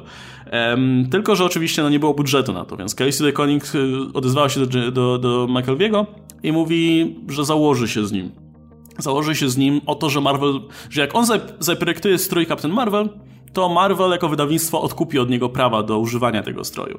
E, I to, jeśli, faktycznie Marvel odkupi, no to znaczy, że ona wygrała, wygrała zakład i będzie mogła używać sobie tego stroju w swoim komiksie. No McKelvey oczywiście dostanie pieniądze w, od, od, Marvela. Natomiast jeśli przegra ten zakład, Marvel nie odkupi, no to za trudno, zapłaci mu sama. E, I z, tego, co ona mówiła, to generalnie miała nadzieję, że jednak odkupi, bo nie miała pieniędzy na to, żeby zapłacić potem za ten projekt. Ale nawet jeśli miała, to stwierdziła, że w takim razie mąż ją wykopie z domu za to, że płaci za coś, za co powinno duże wydawnictwo zapłacić. E, swoją drogą jej Ale wiesz, to... Jak zarobiście no. rysownik na tym wychodzi. Jak gdyby to, niezależnie wiesz, no, od tego, o to chodziło, czy, wygra, nie? czy przegra, to wygra. Nie, no nie było w interesie, żeby tutaj e, wykiwać e, gościa, który, którym, wiesz, który, który, z którym się znali dobrze. Um, w każdym razie to, to, było coś, to było coś, rozwiązanie, które, za, które zaproponował w ogóle redaktor ówczesny, który się zajmował tym tytułem, który najpierw stwierdził, że no nie możemy na to wydać pieniędzy, ale spróbuj czegoś takiego, nie? Może coś takiego zadziała. I, i ten pomysł się rozwinął, no i się przeistoczył w ten zakład śmieszny. E, swoją drogą mąż e, no to Matt Fraction, też e, tutaj znany scenarzysta komiksowy. E, to, to tak na, na marginesie. E, no i E, McKelvey zaprojektował ten kostium, który oczywiście miał być taki bardziej militarny, e, przypomina właśnie wojskowy mundur, e, wymyślił sobie ten, ten hełm, który też miał wyglądać tak bardzo militarnie i nie mógł się zdecydować co do fryzury, więc ona w tym pierwszym projekcie ma takie trochę nastroszone te włosy z takim irokezem na środku, e, później z tego zrezygnowano i postawiono po prostu na, na, na takie rozpuszczone włosy, no ale to chwyciło. E, I McKelvey tyle, że zaprojektował ten kostium, on ponad nie ilustrował tej, tej, tego, tego komiksu, nic takiego, no ale po, poszło to dalej do, do druku. Jak przyjrzycie sobie te pierwsze zeszyty z y, Captain Marvel, tego ranu z Callisto Deconic, to za pierwsze, pierwsze zeszyty odpowiada... Nie pamiętam jak się nazywał ten, y, ten rysownik. Ma nazwisko, na nazwisko, czy imię, bo to jest, bo to jest jakiś Azjata, e, Soj, co oczywiście tutaj e, prowokuje sporo żartów. ale oprawa jest, oprawa jest moim zdaniem koszmarna. To znaczy, to, to jest utalentowany gość i myślę, że w innej formie niż komiksy superbohaterskie by się sprawdził świetnie, ale w, no, no nie, moim zdaniem to kompletnie nie pasuje do komiksu superbohaterskiego, ale też coś ciekawe, tam często są jakieś błędy i różne takie dziwne rzeczy związane z kostiumem, tak jakby ten kostium naprawdę powstało bardzo szybko i artysta jeszcze nie był w stanie, nie wiem, opracować tego po swojemu, bo co jakiś czas brakuje jakichś elementów, co jakiś czas to wygląda trochę inaczej, ta fryzura wygląda kompletnie inaczej niż na projekcie, no ale mniejsza. Potem się to już na szczęście jakoś wyklarowało. E, po jakimś czasie Chris Anka, który jest innym, myślę tutaj świetnie, naprawdę utalentowanym projektantem kostiumów, poza byciem artystą, e, zrobił mały upgrade przy okazji tej serii z All New All Different Marvel E, no i ten kostium się w zasadzie utrzymał do dzisiaj. E, I co ciekawe, przez te wszystkie lata utrzymały się też elementy charakterystyczne w tym kostiumie, mimo że on się zmieniał, no to, to, to, to parę elementów zostało. E, szczególnie McKelvey się tutaj inspirował tym pierwszym strojem Miss Marvel, który z kolei oczywiście też był inspirowany strojem Kapitana Marvela, tym czarno, czarno-czerwonym, czy niebiesko-czerwonym, bo ta gwiazdka oczywiście w logo, no to jest tutaj wzięta żywcem, no ta gwiazdka Chris daje się. No to jest gwiazda Hali, tak. No e, i jeszcze jak, jak się przyjrzycie temu pierwszemu strojowi, to on ma, ona ma przy szyi taką szarfę, czy taki szal jakby, coś takiego. Dwa, dwie takie, takie rękawy tam za nią podążają, czy wisz, wiszą tam. E, I oczywiście to się zamieniło potem w szarfę taką przewiązaną w pasie w, przy tym kostiumie kąpielowym czarnym, no i też te, ta szarfa trafiła dalej do kolejnych projektów. E, a z kolei potem też się przeniosła na, na Miss Marvel, na Kamale, która też ma jakąś tam swoją wersję. Więc to jest taki, taki element, który nie zniknął i, i też bardzo fajnie. No i dzisiaj Karol dalej ma ten kostium, a Jamie McKelvey może się cieszyć, że jego projekt trafił do, do filmu. Nie widziałem Jamie'ego McKelvey w filmie w formie cameo. Możliwe, że jest, muszę doczytać, ale ja go nigdzie nie poznałem. Natomiast Kalisu się pojawiła w tym filmie, więc możecie jej tam wypatrywać gdzieś. No i co? No ten ostatnia rzecz, którą jeszcze chciałem powiedzieć, poza tym, że uwielbiam ten kostium i za to właśnie jak fajnie łączy. On, on się wydaje się bardzo użytkowy, wydaje się bardzo taki. Jest bardzo taki slick po prostu nie, nie ma tam niepotrzebnych elementów, wydaje mi się, że, że, że fajnie to wygląda. E, no przy tym wciąż jest komiksowy, to nie jest coś, co by nosił faktycznie żołnierz w boju, czy coś takiego. No jest, jest bardzo kolorowy, ma te takie e, złote elementy, ma to wyraziste logo, także, także mi się to bardzo podoba. Zresztą e, tym kostiumem potem się inspirowali inni ludzie robiący redesigny różnych strojów, ale to na razie nie będę o tym mówił, bo być może ktoś, ktoś z was będzie o tym wspominał. E, także ja hej... Się bardzo lubię ten kostium, także jeśli może macie właśnie jakieś swoje zdanie na ten temat. Tak, ja mam uwagę drobną hmm? do tego, co mówiłeś na temat tego. Ja nie jestem do końca wielkim fanem przemianowania tych komiksów superbohaterskich na takie bardziej właśnie, jak wspomniałeś, użytkowe takie bardziej praktyczne, dlatego że ten klasyczny, ta klasyczna filozofia projektowania kostiumu superbohatera, gdzie jest tak obcisły, że pokazuje każdy mięsień, że przylega do ciała tak idealnie, jak żaden inny, żaden materiał na świecie nie jest w stanie. To jest jedna z podstawowych cech tego klasycznego kostiumu superbohaterskiego, że on jest niemożliwy do odtworzenia w prawdziwym, w rzeczywistości, bo żaden materiał tak nie przylega do ciała, nawet naj, najbardziej ciasny spandex czy coś. E, I to jest coś, co tylko komiksy potrafią przedstawiać i przynajmniej dla mnie to było zawsze w dużej mierze atrakcyjne w komiksach, jak gdyby e, przy okazji takie, wiesz, piękno ludzkiego ciała, można by powiedzieć, jest eksponowane w taki sposób, który nie może być, nie może być pokazany przez żaden inny strój. Inna rzecz, że jest to było to kompletnie inne podejście do pokazywania tego w przypadku mężczyzn i kobiet, jeśli chodzi o superbohaterów, bo w przypadku męskich superbohaterów to faktycznie możesz wysunąć taki argument, że to jest, wiesz, jak grecka rzeźba, która po prostu ma eksponować piękno bryły tej ciała ludzkiego. Natomiast kobiety w pewnym momencie po prostu wszystkie nosiły e, strój kąpielowy z jakiegoś powodu. Jak gdyby Wiesz, nawet, Supergirl, nawet, Power nawet, Girl. A nawet no. nie strój kąpielowy, tylko to było po prostu pomalowane ciało jakimś kolorem. No nie, ale to pomalowane Faceci ciało jest też spoko. mają pomalowane ciało, tak. tylko... Tylko, że chodzi o to, tego ciała pomalowanego. Tylko, że właśnie o to chodzi. Tylko, że o to chodzi, że wiesz, pomalowane ciało po prostu jest... Ten strój istnieje ten, po to, żeby eksponować właśnie fizyczność pewną. Niekoniecznie seksualnie, a w przypadku kobiet to było niemal wyłącznie seksualnie. I to był problem. I Wonder Woman była chyba jedną pierwszych e, tutaj superbohaterek, która przyjęła e, strój kąpielowy, który trzymał się z nią całkiem długo.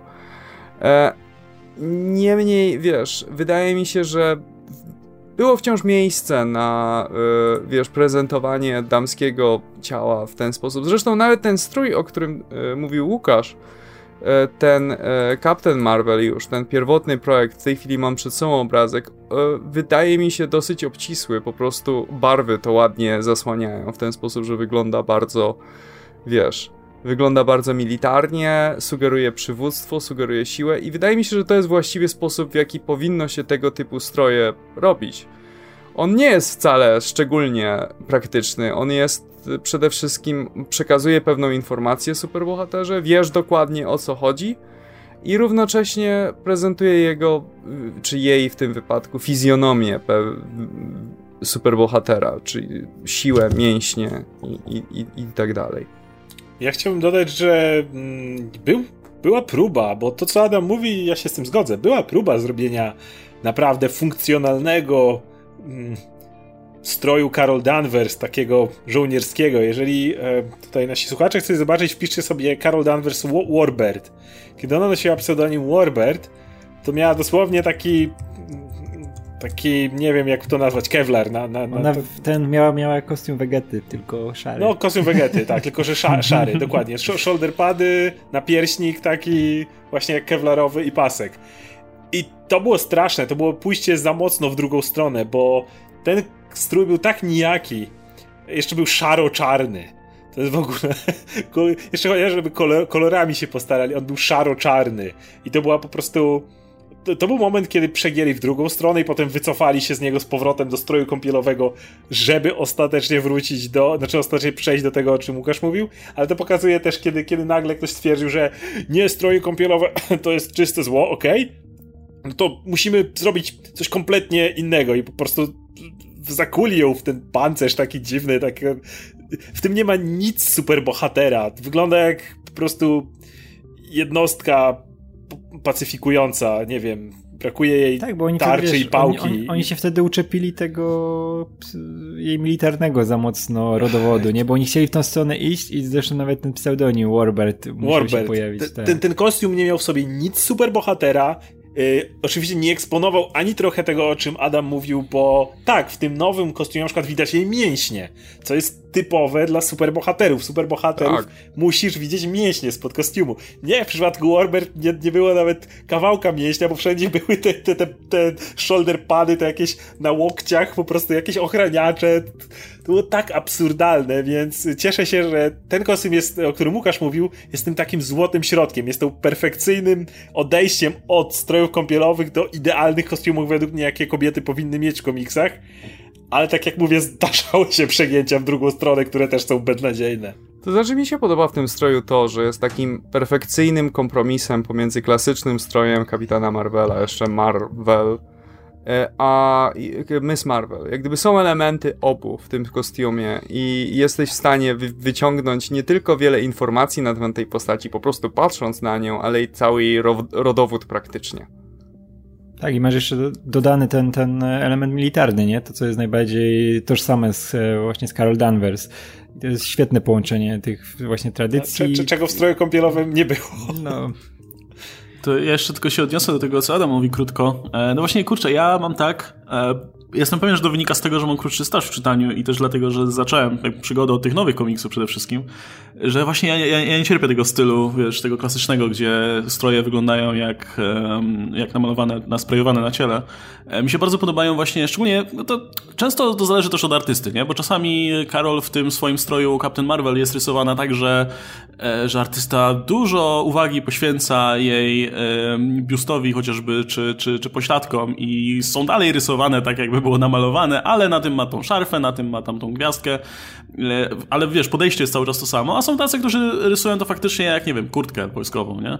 Um, więc y, to, to zależy od artystów. Ja, ja lubię tych artystów, którzy jednak rysują to trochę inaczej e, i, i mimo wszystko zazwyczaj bardzo, bardzo lubię tych twórców, którzy podchodzą do tego w ten sposób. E, nawet jeśli chodzi o tych takich bardzo klasycznych bohaterów z bardzo klasycznym, powiedzmy, wizerunkiem. Ja uwielbiam na przykład, jak Frank Quietly rysował e, Supermana w All Star Superman, gdzie Superman jest umięśniony, ale nie widzisz wszyst każdego mięśnia na, na tym jego mm -hmm. kostiumie. Jest dużo... To faktycznie wygląda jak materiał um, na, na jego ciele, nie? To wygląda jak e, Christopher Reeve mniej więcej, jak tam się u niego to rozkładało na, na jego e, nader umięśnionym ciele. Gary, e, u, Garego, u Garego Franka też to super wyglądało, jak z Jonesem miał ten swój mm -hmm. run, nie? On też był, to właśnie wygląda dokładnie jak z filmu, że tak, taki, taki rajtuzy. Ale jest różnica między tym, kiedy widzisz mięśnie i widzisz, że postać jest umięśniona, a różnica, kiedy widzisz każdy mięsień, jak to w latach 90., kiedy nawet zbroja Ironmana miała mięśnie, nie? Jest, jest jednak spora różnica i znaczy, wiesz mnie, co? Ten, tu jeszcze o... że ten kostium Warbird mhm. właśnie dlaczego był tak zły, bo na nim nie było nawet widać, że Karol w ogóle jest umięśniona. W ogóle. Tam ni nic nie mogłeś powiedzieć o tym. To znaczy, wiesz co, tu też chodzi o bryłę ludzkiego ciała, że się tak wyrażę. Jak popatrzysz na greckie rzeźby albo renesansowe, to one często postacie są przedstawione nago, ale niekoniecznie są, wiesz, seksualizowane. To jest po prostu przedstawienie piękna tej bryły. I wydaje mi się, że w latach 90. coś się popsuło w komiksach zresztą. I wtedy, jak gdyby kompletnie ta cała filozofia poszła do kosza i zaczęli po prostu rysować kobiety tak, jakby miał, wiesz, najwięk jakby największe części ich ciała to musiały być zawsze biust i, i, i, i tyłek a każdy mężczyzna musiał mieć każdy mięsień napięty do tego stopnia, jakby miał za chwilę wybuchnąć. Więc to już jest w tym momencie też takie, wiesz, w tym momencie, że ten styl dosz, miał pewną degenerację w pewnym mhm. momencie i stał Jasne. się naprawdę, wiesz, na początku jak sięgniesz do komiksów, wiesz, z lat 80. czy 70., E, do, do klasycznych komiksów z X-Menami albo do Supermana Johna Byrne, to ten styl tam działa naprawdę świetnie i wcale nie jest ta... i pomimo tego, że widzisz całkiem dużo mięśni i pomimo tego, że widzisz tą bryłę ludzką w całości, to wcale nie jest to, wiesz, przesadzone w żaden sposób, to jest nadal bardzo naturalistyczne. Podczas gdy w latach 90. no stało się to, co się stało, każdy bohater praktycznie musiał być albo, wiesz, Hulkiem, albo gwiazdą porno, zależnie od płci.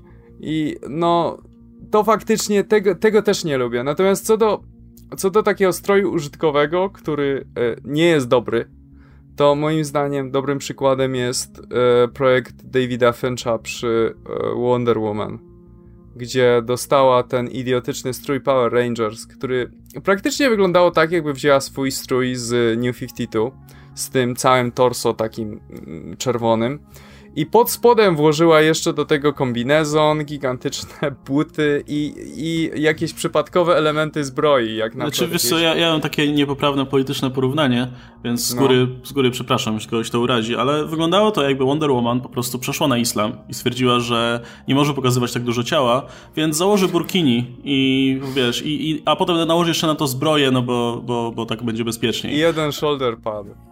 Jeden shoulder pad. Ale dosłownie tak wygląda, jakby po prostu stwierdziła, kurczę, muszę się zakryć cała, bo, bo tak, nie? I to było użytkowe, jasne w jakiś sposób, ale też nie było estetyczne zupełnie w żaden sposób. I nie chodzi mi tutaj oczywiście o pokazywanie ciała, bo też Wonder Woman bardzo często, co jakiś czas ktoś próbował trochę okryć, szczególnie jeśli chodzi właśnie o dół, nie? Jakby bardzo często jej próbowano tam spodnie wcisnąć.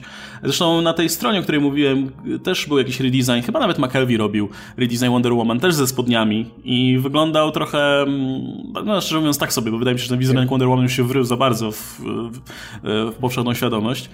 Ale to je, jest ten motyw, że, że jednak kurczę, to, ta, ta, ta Wonder Woman e, opiera się bardzo długo próbą, próbą e, zakrycia to było, jak jak u Straczyńskiego było, jak dostała jeszcze tą kurtkę, nie? Tak, Spodnie i kurtkę. to Jim Lee projektował i Adam Hughes i uwielbiam ich obu jako rysowników, ale ten kostium był okropny. To było po prostu regularny strój, e, regularny strój Wonder Woman, tylko że włożyła na to skórzane spodnie i włożyła kurteczkę. Ale nawet New 52 się zaczynało od projektu Wonder Woman w spodniach, nie? Ale potem zrezygnowano tak, z tego bardzo tak, szybko. To znaczy, mój podstawowy problem z tym polega na tym, że Wonder Woman jest postacią, która jest silnie powiązana z antykiem i z mitologią grecką i tak dalej. A te projekty, jak do tej pory, większość projektów tych po prostu nie wyglądało w żaden sposób starożytnie. Jeśli chcesz jej dać spodnie, daj jej jakieś spodnie, kurde, starożytne. Antyczne. Antyczne, nie? Tak jest takiej w skórze, straszliwie, też ponownie, straszliwie obcisłej, praktycznie tak jakby wcale jej nie nosiła, bo jest tak do tego stopnia obcisła i odblaskowa. No, ja, ja, ja nawet nie powiedział, wiesz, ja bym powiedział to z innej strony. To nie, no nie chodzi o to, że to jest problem z nią, że ciężko jej dać tutaj spodnie. Ja bym powiedział, że to jest raczej coś, co sprawia, że ona w tym stroju, szczególnie tym, który ma teraz, tą spódniczką, wydaje się to naturalne i pasować, nie? Do mhm. e, greckiej wojowniczki, nie? W tym, w tym, tak, w tym, w tym kontekście. Ważne to, że greccy wojownicy mieli identyczne zbroje. Jakby to nie jest tak...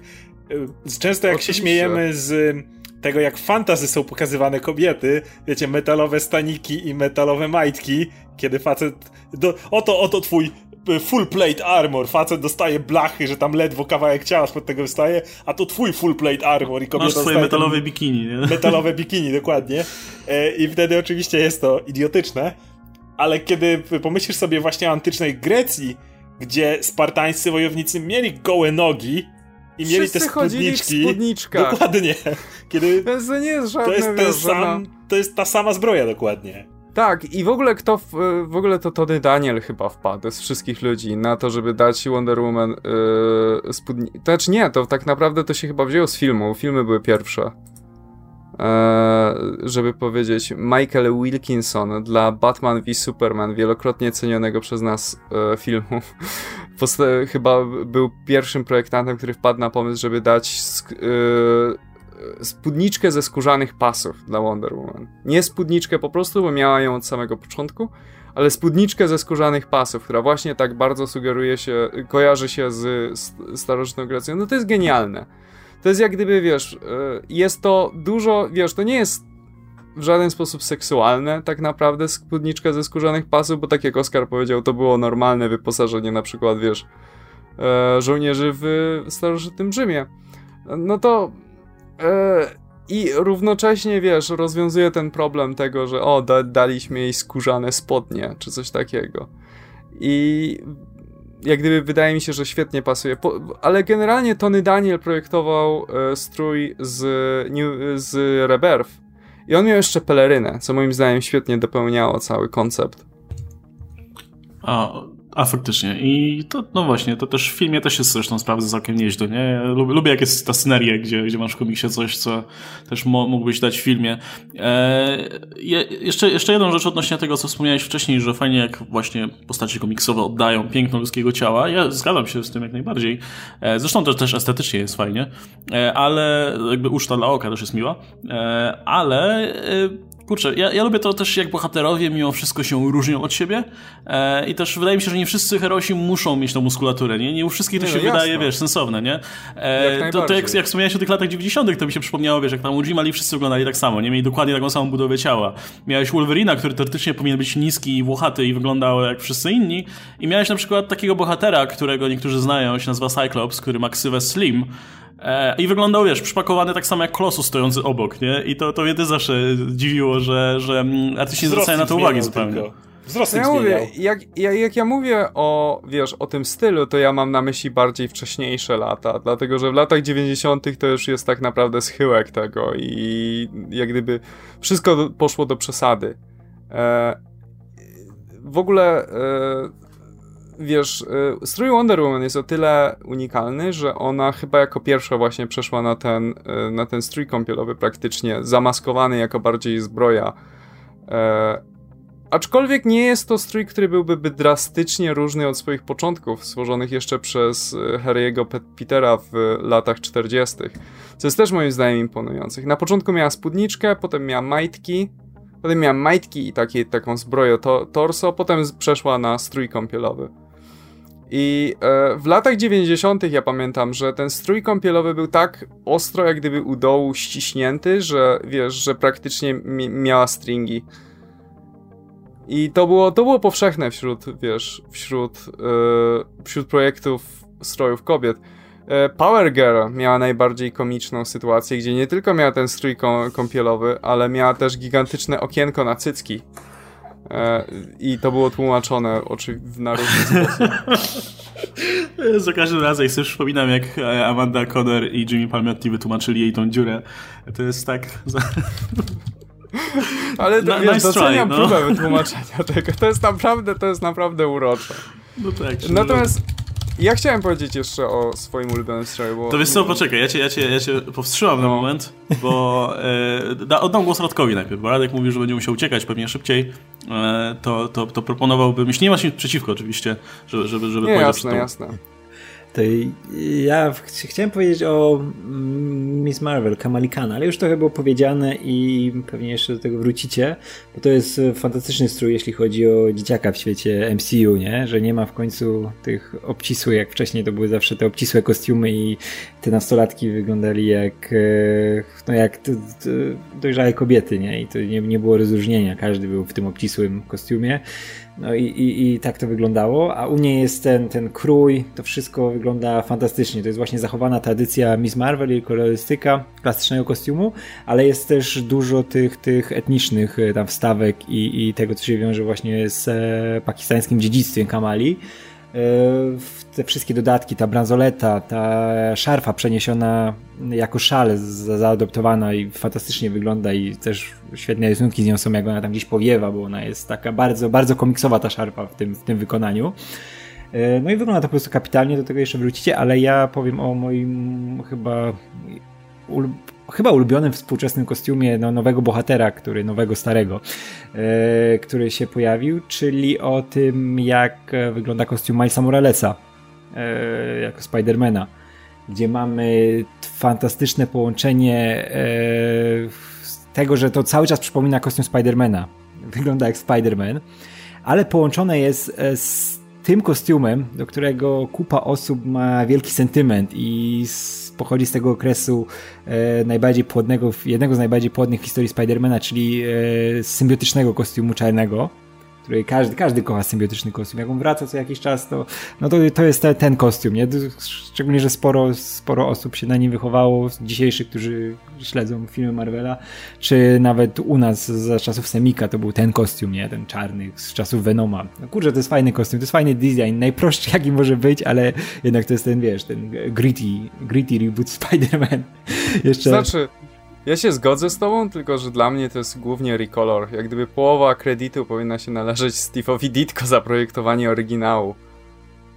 Mm, ale którego Milesa, czy tego czarnego? Tak, za, nie, za po, połowę kredytu za projekt Milesa należy się... Ale nie, e, totalnie, totalnie, przecież właśnie o to mi chodzi, że Góra jest e, całkowicie adaptacją tego, co zrobił Steve Ditko i klasycznego kostiumu Spidermana, nie? Tylko tutaj fantastycznie działa ta zmiana kolorystyki, nie? Że yy, wiesz, że to jest Spider-Man Milesa Moralesa, zresztą to jest czarny dzieciak, który ma czarny kostium, nie? To od razu też tak jakoś rezonuje, nie? Że wiesz, wiesz, wiesz, wiesz, o co chodzi. E, I sam ten, sam design tego, krój e, tej góry, gdzie ten masz dół i ramiona masz bardzo proste, podstawowe, tak właśnie jak w tym szczelnym kostiumie i masz to, co się dzieje na klatce piersiowej, ten cały e, projekt tego kostiumu wschodzący tym takim lejem, strzałką w dół, nie? Który się skupia na tym pająku na klacie, czy, gdzie jest tylko czerwony, nie ma tutaj żadnego dodatku niebieskiego koloru, tylko jest czerń i czerwień. Kurczę, to tak robi robotę, właśnie odróżnia tego Milesa od Spidermana, szczególnie jak oni stoją gdzieś tam z sobą albo rozmawiają, to tak fajnie ze sobą właśnie kole, ko, ten korelacja jest taka. Jak mieliśmy tą miniserię Bendisa, gdzie oni się pierwszy raz spotkali, nie, to tak. robiło świetne wrażenie. Spider-Man. Tak, tak, tak. To zresztą jest bardzo fajna historia. I, ale te kostiumy tam tak działały, no kurczę, to, to, wszystko jest. Zresztą nawet jak popatrzysz na te rękawice, gdzie masz e, czarne ramiona bez żadnych dodatków i nagle masz te klasyczne palce Spidermana i ten cały dół pozbawiony nawet tych butów, tylko wiesz, cały w czerni, gdzie jak patrzysz na tego Spidermana, to od razu skupiasz się na tym, co się dzieje na klatce piersiowej na górze, bo te przyciągacie ten cały pajęczy wzór klasyczny, czyli oddanie hołdu temu, co działało w tym kostiumie od czasów Steve'a Ditko, nie? który wymyślił ponadczasowy wzór, który jest cholernie pewnie ciężki do rysowania. I zawsze, zawsze mnie to dziwiło, że jak ci rysownicy muszą zapieprzać, żeby wiesz, za każdym razem utrzymać formę tego, bo to cały czas musi się rozchodzić w tym, w ten sam sposób, nie? I to od razu cię przyciąga, no i wygląda, wygląda tak estetycznie, to jest e, świetne połączenie tej współczesnej szkoły projektowania, gdzie ma być ten minimalizm i, i ta była inaczej jednak projektowana, nie tak fikuśna, jak mieliśmy w klasycznych kostiumach, gdzie musiało być dużo koloru, dużo różnych e, p, zmian barw, e, jakichś tam dodatków i czegoś, e, a właśnie z tą zachowaną klasyką, w tym jednym elemencie, gdzie masz tą głowę i kawałek klatki piersiowej, gdzie masz tego ditko, a reszta to jest właśnie taka tam ten minimalizm współczesny. I kurczę, wszystko mi w tym kostiumie gra. On wygląda tak dobrze. No, to jest. I, znaczy, ja mam trochę mieszane uczucie odnośnie kostiumu Milesa, bardzo mieszane. Znaczy, ja uwielbiam ten kostium e, i uważam, że wygląda fantastycznie. I gdybym, nie wiem, w grze Spider-Man miał do wyboru ten kostium, to bym używał tylko jego, bo bardzo mi się podoba. Ale zdaję sobie sprawę, że to jest prosty kostium Spidermana, tylko cooler. No, bo, wiesz, to najważniejsze. E, to jest, nie, to jest na zasadzie weźmy kostium Spidermana, ale dzisiaj dzieciaki nie będą chciały czytać o postaci, która jest tam ubrana na czerwono-niebiesko. Jakby ten kostium jest historyczny, dlatego dalej trwa, ale jakby dzisiaj jakby to, to, nie, to, to nie wygląda cool, nie? A czarny i czerwony, no to już spoko, nie? Więc to jest takie bardzo proste, nie? Jakby tu ciężko znaleźć jakąś inną genezę za tym niż po prostu hej, zróbmy Spidermana, który wygląda fajnie. Więc, Ale też, też więc... wiedziałeś, że na przykład musieli, musieli uciekać od tej kolorystyki tej klasycznej, nie? Bo on no, jednak plus, się na swoich zupełnie warunkach. Plus ten kostium, mówię, jest takiej estetyce, która trafiła, trafia do, do dzieciaków teraz, nie? Ale ja bym chciał powiedzieć, że fantastycznie rozwinięto ten motyw w Into the Spider-Verse, gdzie tam połączono to z y, tym, czym Miles się zajmował tutaj hobbystycznie, nie? Z, tym jego, z tą kulturą graffiti, jego twórczością i tam ten kostium faktycznie oddawał to, kim Miles jest, czego nie można powiedzieć o tym kostiumie komiksowym. No. nie, nie pamiętam, kto, kto zaprojektował ten kostium. Pewnie Sarah Pikeli, no bo ona rysowała ten komiks. A jeszcze wracając na moment do Kamali, e, no to ja się zgodzę w 100%, że to jest, to jest fantastyczny projekt i e, zdecydowanie nam trzeba było w ogóle wymyślić coś, coś innego niż e, nałożenie Kamali po prostu tego kostiumu kąpielowego z, z oczywistych względów. Jedna, ciekawostka numer jeden, czy w zasadzie jedyna ciekawostka. Wiecie, kto zaprojektował kostium Kamali? Jamie McKelvey. Jakby jedyna, jedyna osoba, która, która była do tego odpowiednio tutaj kompetentna. Ale też właśnie bardzo podoba mi się to, że, że on, właśnie, że ten kostium też mówi, kim jest Kamala, nie? Jakby to jest powiązane tutaj z jej kulturą. E, I ten kostium dosłownie jest z burkini, które ona sobie wyciągnęła z, z szafy i przerobiła, nie? Więc jest bardzo fajnie powiązane. Ja w ogóle ten, lubię ten motyw, jak bohater sam sobie robi kostium, bo to wynika, e, wynika z tego, kim jest. Nie wiem, czy starczy nam czasu, żeby pogadać o Batgirl, ale też bardzo lubiłem tamten kostium, głównie dlatego, dlatego że, że e, ten, ten oczywiście kostium z, z Burnside, bo też lubiłem ten motyw, gdzie Barbara go sobie zrobiła sama. Jezu, to przejście teraz, jak e, pojawi się ten nowy kostium. I, o matko, jaki to jest upadek nagły no. w, e, w, tym designie i na, na wszystkich możliwych poziomach. Taki powrót do tej najgorszej kultury kostiumu. E, wiesz co, znaczy ja mam trochę też inne, inne, inne zdanie teraz, jak poczytałem jak Sean Gordon Murphy. No to, no dobra, to słuchajcie, to jeszcze, to jeszcze krótki segment w takim razie o Batgirl. Bo ja, ja strasznie lubiłem właśnie ten kostium, który wymyślił um, Cameron Stewart chyba wymyślił ten kostium. Tak. Um, tak, tak, tak. Zresztą to tak wyglądało, że, że on rys... w zasadzie on odpowiadał za plansze te wstępne do tego komiksu, dopiero potem Babstar to e, rysowała po swojemu, ale on wymyślił ten kostium, no i oni tam był pomysł był taki, żeby ten kostium nawiązywał do Yvonne Craig, która grała Batgirl oczywiście w kultowym serialu. I ten kostium właśnie był fioletowo-żółty, więc oni przenieśli te kolory tutaj, ale oczywiście dali mu właśnie taką użytkową formę. Zresztą jawnie się też inspirując, o tym mówił Stewart, inspirując też tym projektem Captain Marvel. Podejście było podobne, e, więc, więc stąd on wygląda jak coś, co faktycznie mógłbyś sobie zmontować e, samemu. E, ale okej, okay, o, o, o, tym kostiumie myślę, że już powiedziano masę, więc jak będziecie chcieli coś dodać, to śmiało. Natomiast jeszcze a propos tego, tego redesignu. E, Sean Gordon Murphy, który stworzył ten nowy kostium, ten obowiązujący tutaj, i w jego projekcie, po pierwsze, w jego projekcie to wygląda spoko, bo on ma ten taki specyficzny styl, że on też nie rysuje postaci komiksowych właśnie jako umięśnionych tutaj greckich bogów czy bogiń, tylko on ma taki bardziej taki e, postacie nie, nie wyglądają realistycznie, może o, w ten sposób. Więc w jego wykonaniu to wygląda ok, natomiast problem się robi, kiedy ten kostium jest przenoszony na kogoś, kto rysuje bardziej realistycznie i wtedy dostajemy Batgirl w leginsach maksymalnie obcisłych i no zresztą widzieliście jak to wyglądało Heroes u... in Crisis. Tak, Heroes in Crisis. To, to, to wyglądało koszmarnie. E, tylko jedyna rzecz, która mi bardzo nie odpowiada w tym kostiumie, zresztą według Shona Gordona Murphy, to jakby geneza tego stroju jest taka, ja nie czytałem tego komiksu, ale tutaj się sugeruję tym, co on mówił, że Pomysł był taki, że Batgirl w tym momencie nie mogła wrócić na Burnside i potrzebowała nowego kostiumu, więc sobie wyciągnęła jakiś powiedzmy wcześniejszy, nad którym pracowała i założyła go. I nie powiedział tego dokładnie, ale z tego co ja wywnioskowałem, to miał być tymczasowy, e, czy raczej to sugeruje wywiad z nim, ale został na stałe, no bo wiadomo, New 52 rządzi, a ten komiks oczywiście bardziej nawiązuje do tego poprzedniego kostiumu z, z Batgirl. E, jedyna rzecz, która mi się nie, nie podoba autentycznie i w projekcie Murphy'ego i ogólnie, ktokolwiek by to rysował, to jest to, że tam są te cholerne nietoperze dosłownie na wszędzie. Jakby ona ma y, logo tego nietoperza na, na y, biuście, ma nietoperza na pasku, ma nietoperze na butach, ma jeszcze gdzieś tego nietoperza i kaman, ile można, nie? Ale ogólnie no... Ale krok w tył jak dla mnie zdecydowanie. nietoperza na podeszwach na przykład. Ale wiesz co, ja, ja, ja, nie lubię tego motywu, jak wiesz, jak ten nietoperz jest kurna wszędzie i ona, wiesz, on, ma te buty w kształcie tych nietoperzy. musi być, bo wtedy odciskasz przeciwnikowi na twarzy nietoperza. Dokładnie. Tak.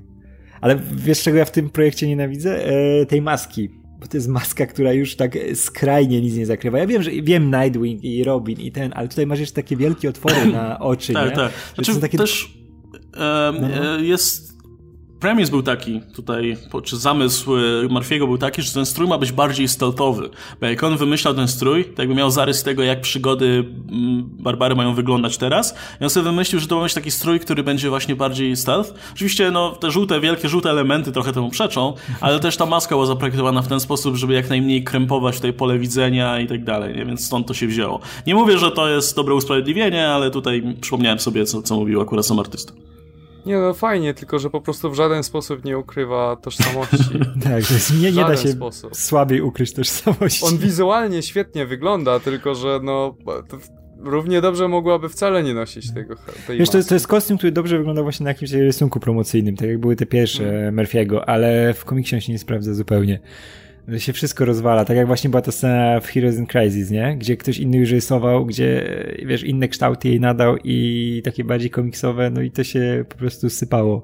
Już te oczy były tam jeszcze, wiesz, jeszcze jak masz te wczesne projekty Murphy'ego, to ta maska miała większe, znaczy większe te ramki, nie? Że to jeszcze mogłeś przyjąć, że coś tam, coś tam może ukrywać, ale jakby właśnie masz innych rysowników, którzy rysują po prostu takie e, kreski. To znaczy w Heroes in Crisis to był większy problem z tym, że e, no, narysowane to było tak, jakby to był po prostu za ciasny kostium i ją po prostu no też. uwierał.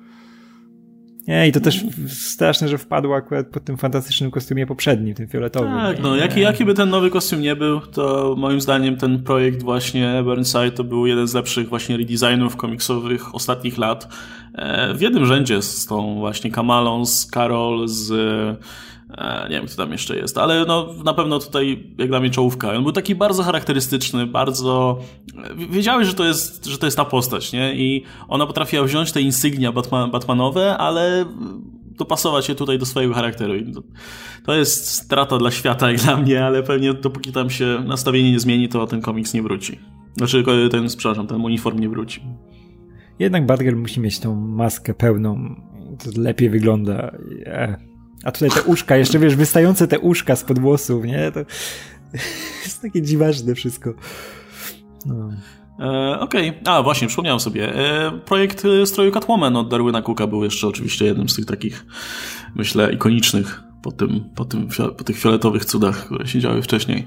Ja uwielbiam te fioletowe cuda. Głównie dlatego, ja, ja zdaję sobie sprawę, że ten komik, że ten projekt nie jest szczególnie dobry, E, ale po prostu wiesz, nostalgia. Ja to, jak, to jest pier moja pierwsza Catwoman to była ta właśnie fioletowa z tymi absurdalnymi szponami i z tą maską i z tym całym kurde lateksem przez całe ciało idące. E, chciałbym go jakoś obronić, ale wydaje mi się, że się go nie da. No nie, ja myślę, że moja pierwsza Catwoman to jest y, wystarczające uzasadnienie, rozumiemy jakby. No moją, moją pierwszą Catwoman, myślę, że każdy ma swoją pierwszą Catwoman, to jest Michelle Pfeiffer w filmie, więc też e, pełny czarny strój z jakiegoś obcisłego materiału, najlepiej śliskiego, no to jest, to, to są moje klimaty, ale rozumiem jak najbardziej. U mnie też, u mnie pierwszą właśnie była ta z filmową, to wiadomo, pierwsza była filmowa, później była ta fioletowa, bo był Nightfall i, i ona tam była, no. ale z tym, który z najdłużej, z którym byłem, to był ten z tej serii Brubakera, nie? Który w Haszu był też. To był najlepszy projekt, ten z, okul z okularami tymi. Nie, nie był najlepszy. Ja go uwielbiam. Te okulary są głupie. Przepraszam, ale naprawdę, po co jej te gogle? Ej, no spoko są. Kurczę, może ma różne tryby widzenia. O. E, to Radek mówisz o tym samym, bo ten projekt stroje wymyślił Darwin Cook właśnie. Ten, ja, to ja nie jestem fanem gogli, ale cała reszta mi się podoba. No, to nie jest fantastyczny. Chociaż ten nowy też jest ok. Jest, jest trochę inny i dziwny, ale, ale znaczy, nawiązuje dziwne, na pewno. Dziwne, dziwne ma tylko te wycięcia pod pachami. No właśnie, one są dziwne i dlatego mi się podobają, bo to jest coś, czego nie widziałem, wiesz, do tej pory w strojach. I może to ma jakiś sens. I nie pocisz się pod pachami wtedy pewnie. Tak, i też trochę, trochę, trochę podchodzi pod. E, nie wiem, to, to, trochę też podchodzi pod ten, pod to, co znasz, te wyuzdanie Michelle Pfeiffer. Trochę się tak z tym kojarzy, z tym lateksem i z tym, nie? Klimatem. No, nie, ale wiesz, moim zdaniem, e, wiesz, e, seksualność Catwoman, czy jej seksualizacja jest troszeczkę bardziej uzasadniona niż w przypadku innych bohaterów, dlatego że Catwoman jest, jest, postacią, która często mm, używa tak. swojego seksapilu, żeby, wiesz, żeby osiągnąć swój cel w jakiś sposób, żeby przynajmniej rozproszyć przeciwnika.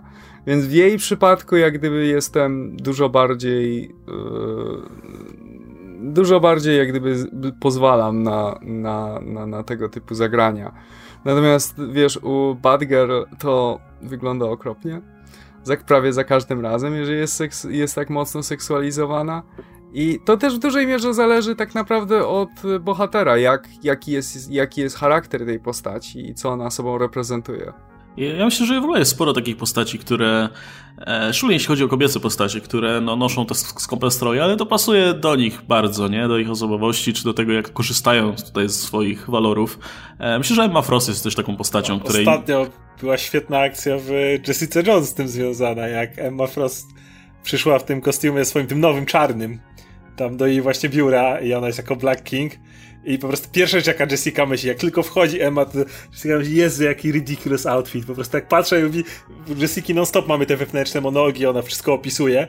I jest, jak ona po prostu i w tych seriach Kelly Thompson, jest, jak ona kogoś widzi, to natychmiast szybko zauważa jakieś cechy, no, elementy ubioru czy wyglądu zdradzają pewne rzeczy, wiecie, super detektyw.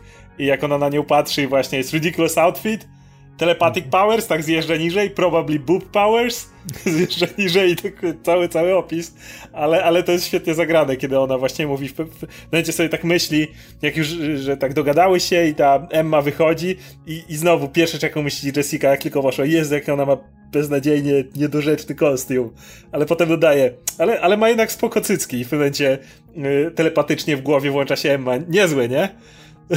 Coś takiego. I tak ci kurde, Demet to jest zresztą świetnie zagrane w postaci, która jest taka noir i ciągle myśli o wszystkim, co robi i nagle się telepata ci włącza w te twoje wielkie przemyślenia. No ja myślę, że Emma to wydaje fortunę generalnie na taśmę do przyklejania tych części garderoby, żeby to się jakoś trzymało. Nie wiem, czy pamiętacie jej kostium u e, Morrisona, e, który się składał tak. z... E, który miał te który miał wielkie wcięcie w kształcie X, przez co cała reszta, czyli te ubrania faktyczne, coś co miało zasłaniać, no, były tylko takimi fragmentami dziwnymi. Ciekawy ja projekt, wyobrażam. ale... Ja sobie wyobrażam, że Emma tak naprawdę nosi normalne ciuchy, jak gdyby takie, wiesz, dres, dresy czy o Jezu, coś. ja bym chciał zobaczyć w komiksie i telepatycznie wszystkim wmawia, że jest tym super seksualnym jakimś gorsecie, który jest fizycznie niemożliwy. To jest, to jest mój headcanon. To jest, to jest świetny pomysł, ale... było tu było to u... No w Old Man Loganie. Old Man Logan było, ale to było, wiesz, trochę z innych powodów. Trochę ja, sobie to było. tak jest normalnie. Ja, znaczy, to jest, to jest super pomysł, ale wiesz co, ja bym, ja bym przyjął nawet y, po, wersję light tego, że ona po prostu wraca do domu, zdejmuje ten cały shit i po prostu się ubiera w jakiś dres i o, kurna, wreszcie. Nie, e, nie ale stroje, ja ogólnie lubię, lubię te stroje Emmy i, no bo mówię, to pasuje, no może nie ta wersja oryginalna, gdzie ona chodziła w tych majtkach i kożuchu, to by to było absurdalne, Chodziła ale... w gorsecie i na to peleryna z kożuchem. Tak, i majtki. To tak, white, white ale, print, tak. ale te późniejsze wersje, szczególnie to właśnie z, z okresu tam jak Whedon pisał o Astonishing X-Men, to myślę, że to już jest taki klasyczny strój z tymi białymi spodniami. E, I a propos właśnie jeszcze mm, czarnego stroju, no teraz ma czarno, bo jest Black King, ale był też ten etap, kiedy u Bendisa miała przez chwilę taki czarny taki strój właśnie z paskiem, ze skóry i tak dalej. E, I wtedy pamiętam, że też e, Magik dostała swój redesign, który był super, szkoda, że się go nie trzymają teraz.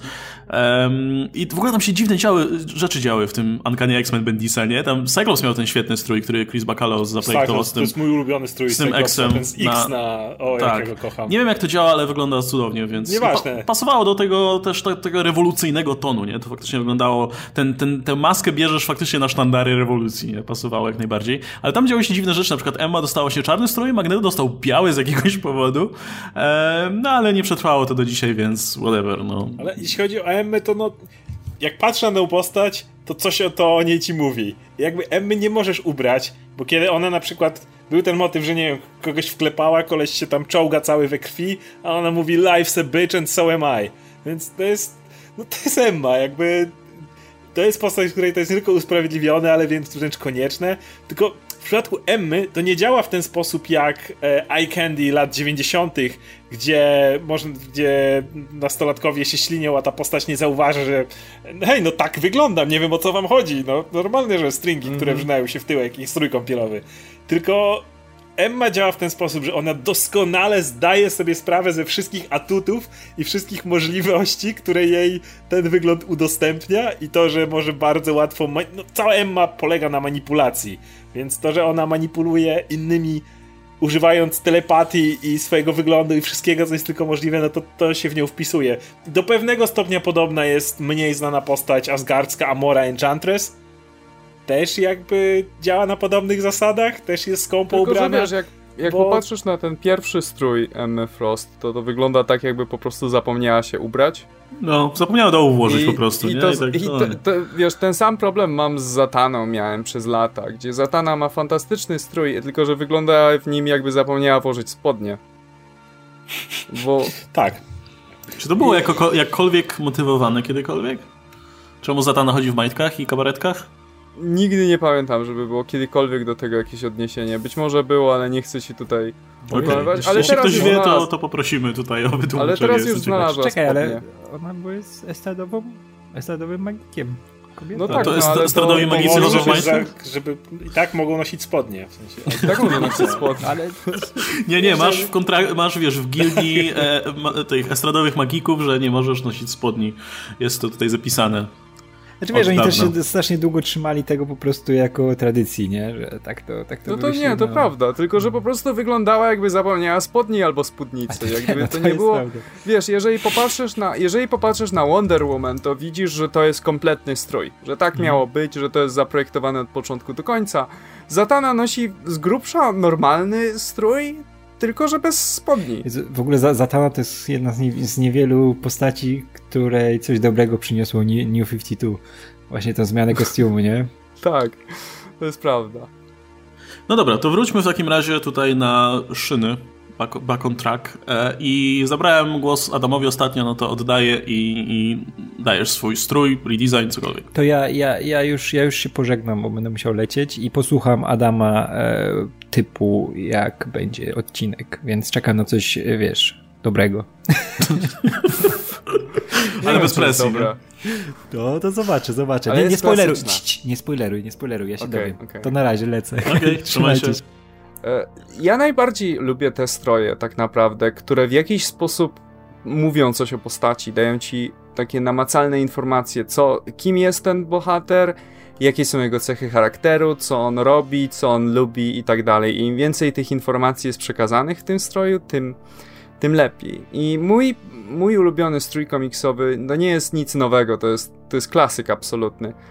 E, I wiele, stro- wiele projektów strojów komiksowych z lat 80. czy 90., no to już się ostro zestarzało. Nie, nie da się na nich patrzeć, jak Disco Nightwing albo e, aniołki Charlie'ego Wonder Woman.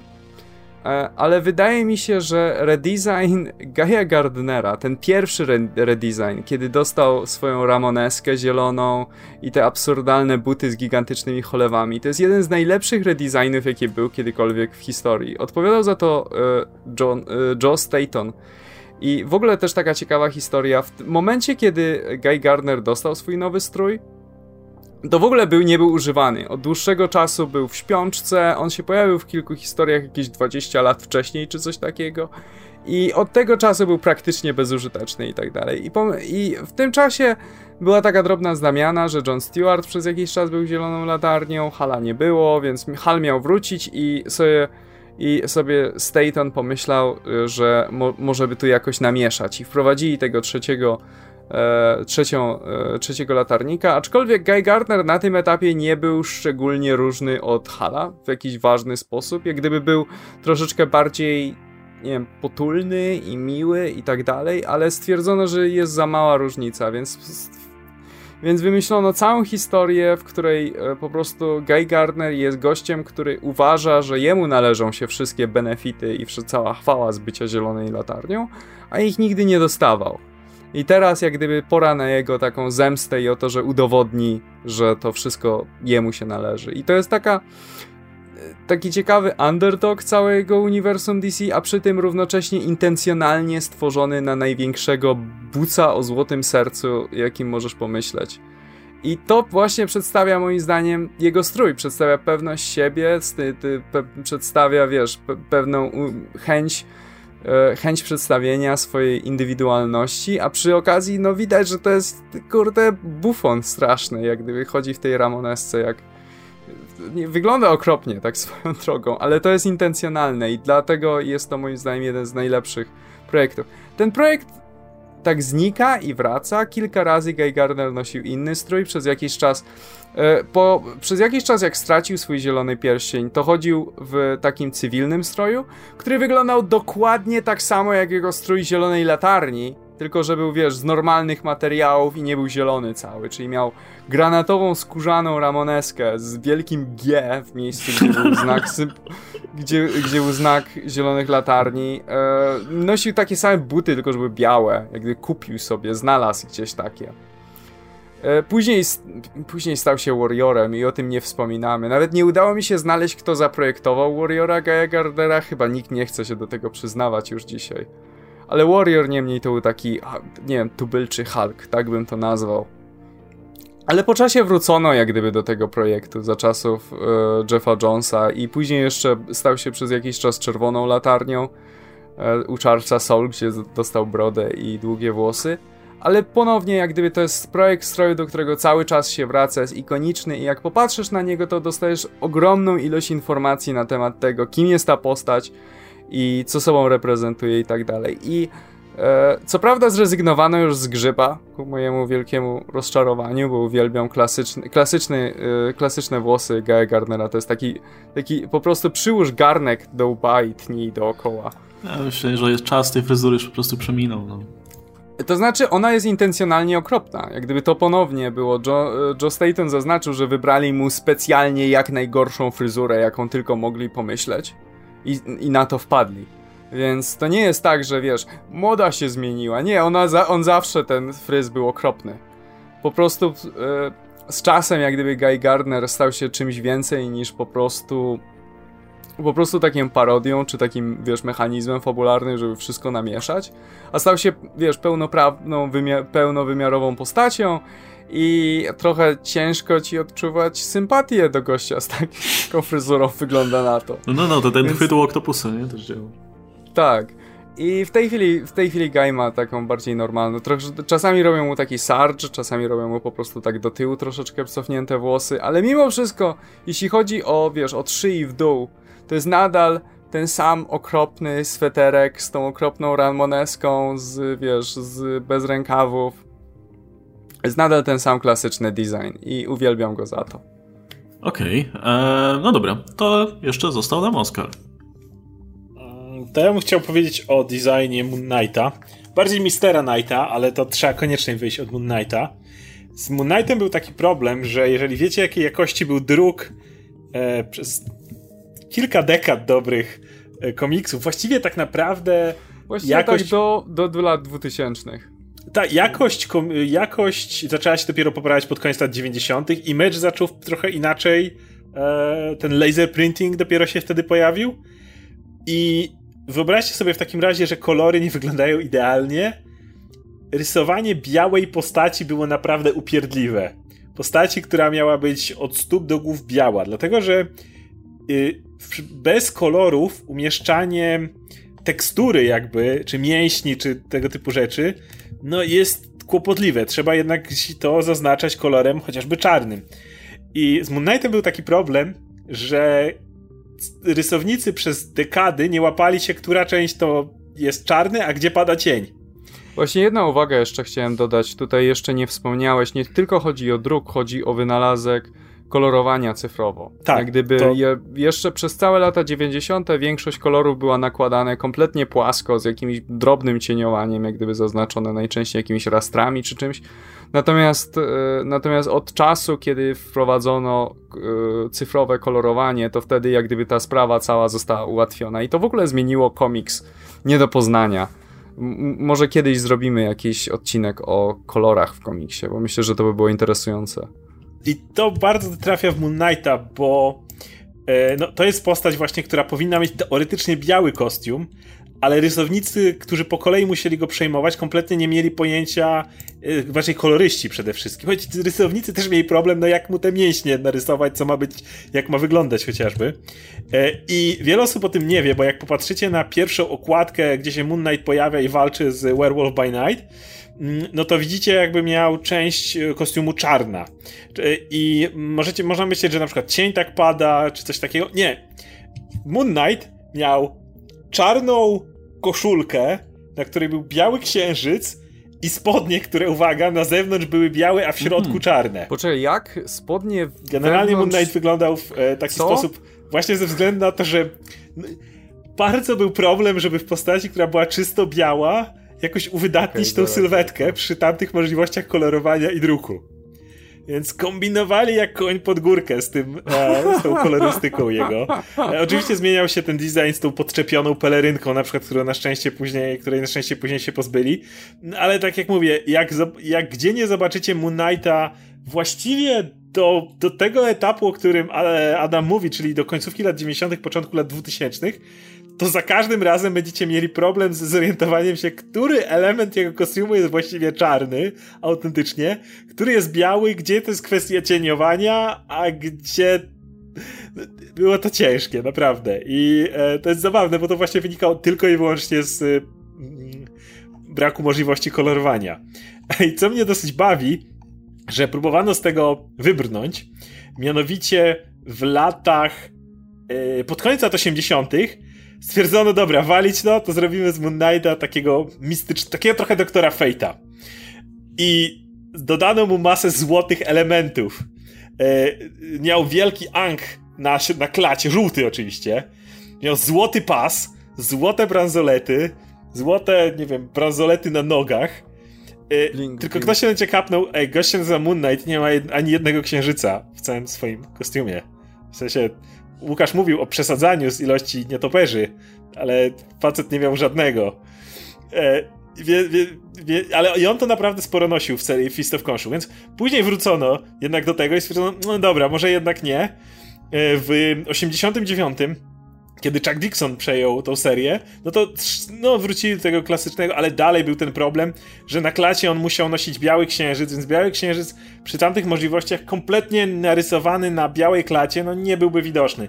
Więc ta klata z jakiegoś powodu była zawsze poczerniana, ale w ten sposób, że już nawet nie dało się zorientować, czy ona była czarna, czy on po prostu sobie malował kawałek klaty na czarno, żeby ten księżyc mu było widać, czy to cień tak padał. Więc... E, no, no kombinowali z tym strasznie i właściwie można, można o tym wspominać i wspominać aż do lat 90. Tej, tych, tych mocnych lat 90. No bo w latach mocnych latach 90., jak wiecie, zbroje. Zbroje, shoulder pady i tak dalej. I e, no, Moon Knight zaczął się wtedy mocno zbroić, a, a łatwiej jednak już zbroję, jak możecie sobie wyobrazić, łatwiej pokazać całą białą, no bo możemy elementy zbroi e, ewidentnie odróżnić od siebie.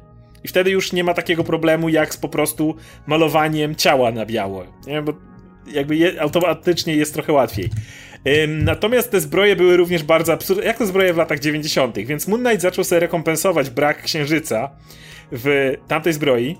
I moja ulubiona to jest, kiedy ma ten malutki księżyc na, na, na klacie, ma wtedy też shoulder pady, ale ma pasek, który wygląda tak, że klamra jest księżycem, i dookoła jest taka masa malutkich księżycków, tak po prostu, tak cały pasek składa się z takich ułożonych księżycków dookoła. Ale, ale, ale to nie koniec, bo oczywiście były te lata 90. i wszystko musiało rosnąć i robić się większe i bardziej absurdalne. Więc yy, w pewnym momencie zostawiono ten design z tego paska, ale stwierdzili, że ta klamra jest za mała i nagle Moon Knight dostał taką klamrę, która praktycznie mu pod klatę podchodziła klata, spinka do paska, która, która prawie sięgała mu już do klaty. E, więc mówię, to było kompletnie absurdalne, możliwości technologiczne były jakie były. Z Moon Knightem tak naprawdę bawiono się tym jego designem, czy tutaj mu dodawano jakieś kolce, czy te księżyce zmieniano, czy odejmowano, czy dodawano. E, przez całą kadencję Moon Knighta. Mój najbardziej znienawidzony design, który, mm, który pojawił się w okolicach Civil War, i odpowiadał za niego e, Jerome Opena i Dan Brown, kiedy Greg Hardwitz to, e, Hardwitz to pisał, więc nie jestem pewien tutaj skąd wyszedł akurat ten pomysł. Dobra, to ja już, to ja już muszę lecieć. Hej wszystkim, trzymajcie się i dobranoc. Okej, okay, trzymaj się, hej. hej. No dobra, kontynuuj. I ten kostium był dokładnie tym, o czym e, Łukasz mówiłeś w przypadku Batgirl, czyli kiedy na każdy możliwy centymetr kwadratowy postaci musisz wcisnąć logo postaci. E, Moon Knight w tym momencie miał już nie tylko księżyc na klacie, nie tylko księżyc na pasku, miał księżyce również na shoulder padach, miał księżyce pod kolanami, miał księżyce na udach, miał księżyce na ochraniaczach na rękach. Po prostu księżyce były wszędzie. No ale przejdźmy do, do sedna, czyli do tego mojego ulubionego redesignu, jakim był Mr. Knight.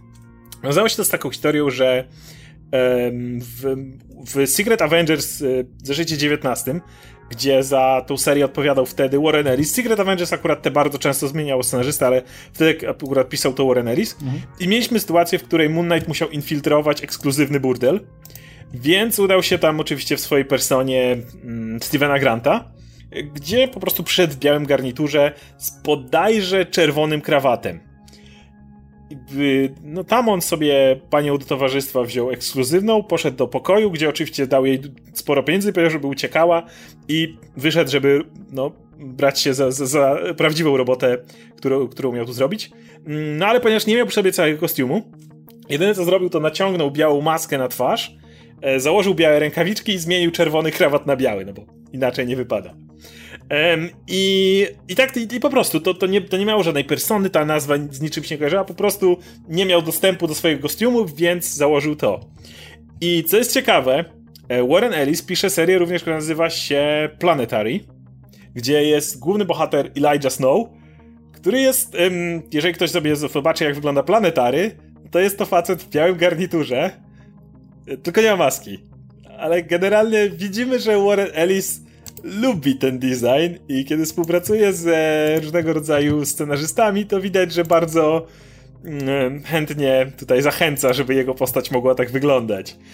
Oczywiście pojawiają się pewne różnice i o tym zaraz. Mm, później mieliśmy Run Bendisa, gdzie Bendis e, znowu wrócił do Moon Knighta klasycznego. No ale kiedy za serię znowu wziął się Warren Ellis przy okazji Marvel Now, natychmiast odkurzył ten design, e, ale poprosił tutaj Declana Shalveya, który był wtedy odpowiedzialny za oczywiście oprawę, mm, o pewne modyfikacje, żeby to już był faktycznie kostium naszego bohatera. I pojawiły się różnice, ponieważ wtedy to był po prostu garnitur, a teraz miał być to kostium wyjściowy, na przykład taki, że znowu nawalono masę księżyców. Ale o tyle, co u we wcześniejszych wypadkach, jak chociażby w tej strasznej zbroi, kiedy księ księżyc na księżycu, po prostu ogromne półksiężyce, które zawalały tą postać, no to one były subtelniejsze, były to na przykład guziki, e, czy jakieś zapinki, co pasuje bardzo do tego. To jest coś, co wyglądało już fajnie, a nie przesadzenie. To był prosty biały garnitur z marynarką, w której po prostu zapięcia, czy właśnie guziki były, były w kształcie małych półksiężyców.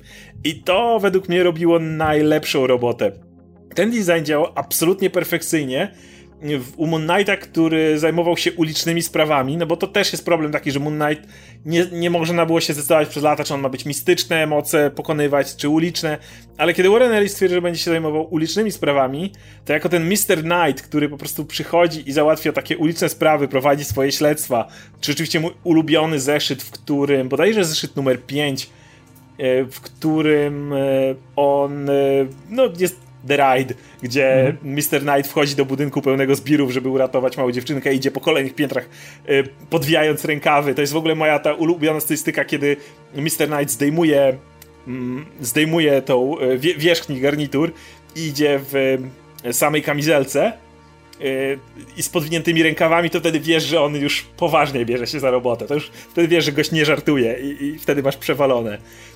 I szczerze mówiąc bardzo żałowałem, że u Bemisa w jego kolejnej serii, rozumiem dlaczego, bo to pasowało do tego, co tam się dzieje, ale Mr. Knight się już nie pojawiał i wrócono z powrotem do tego po prostu białego, prostego kostiumu.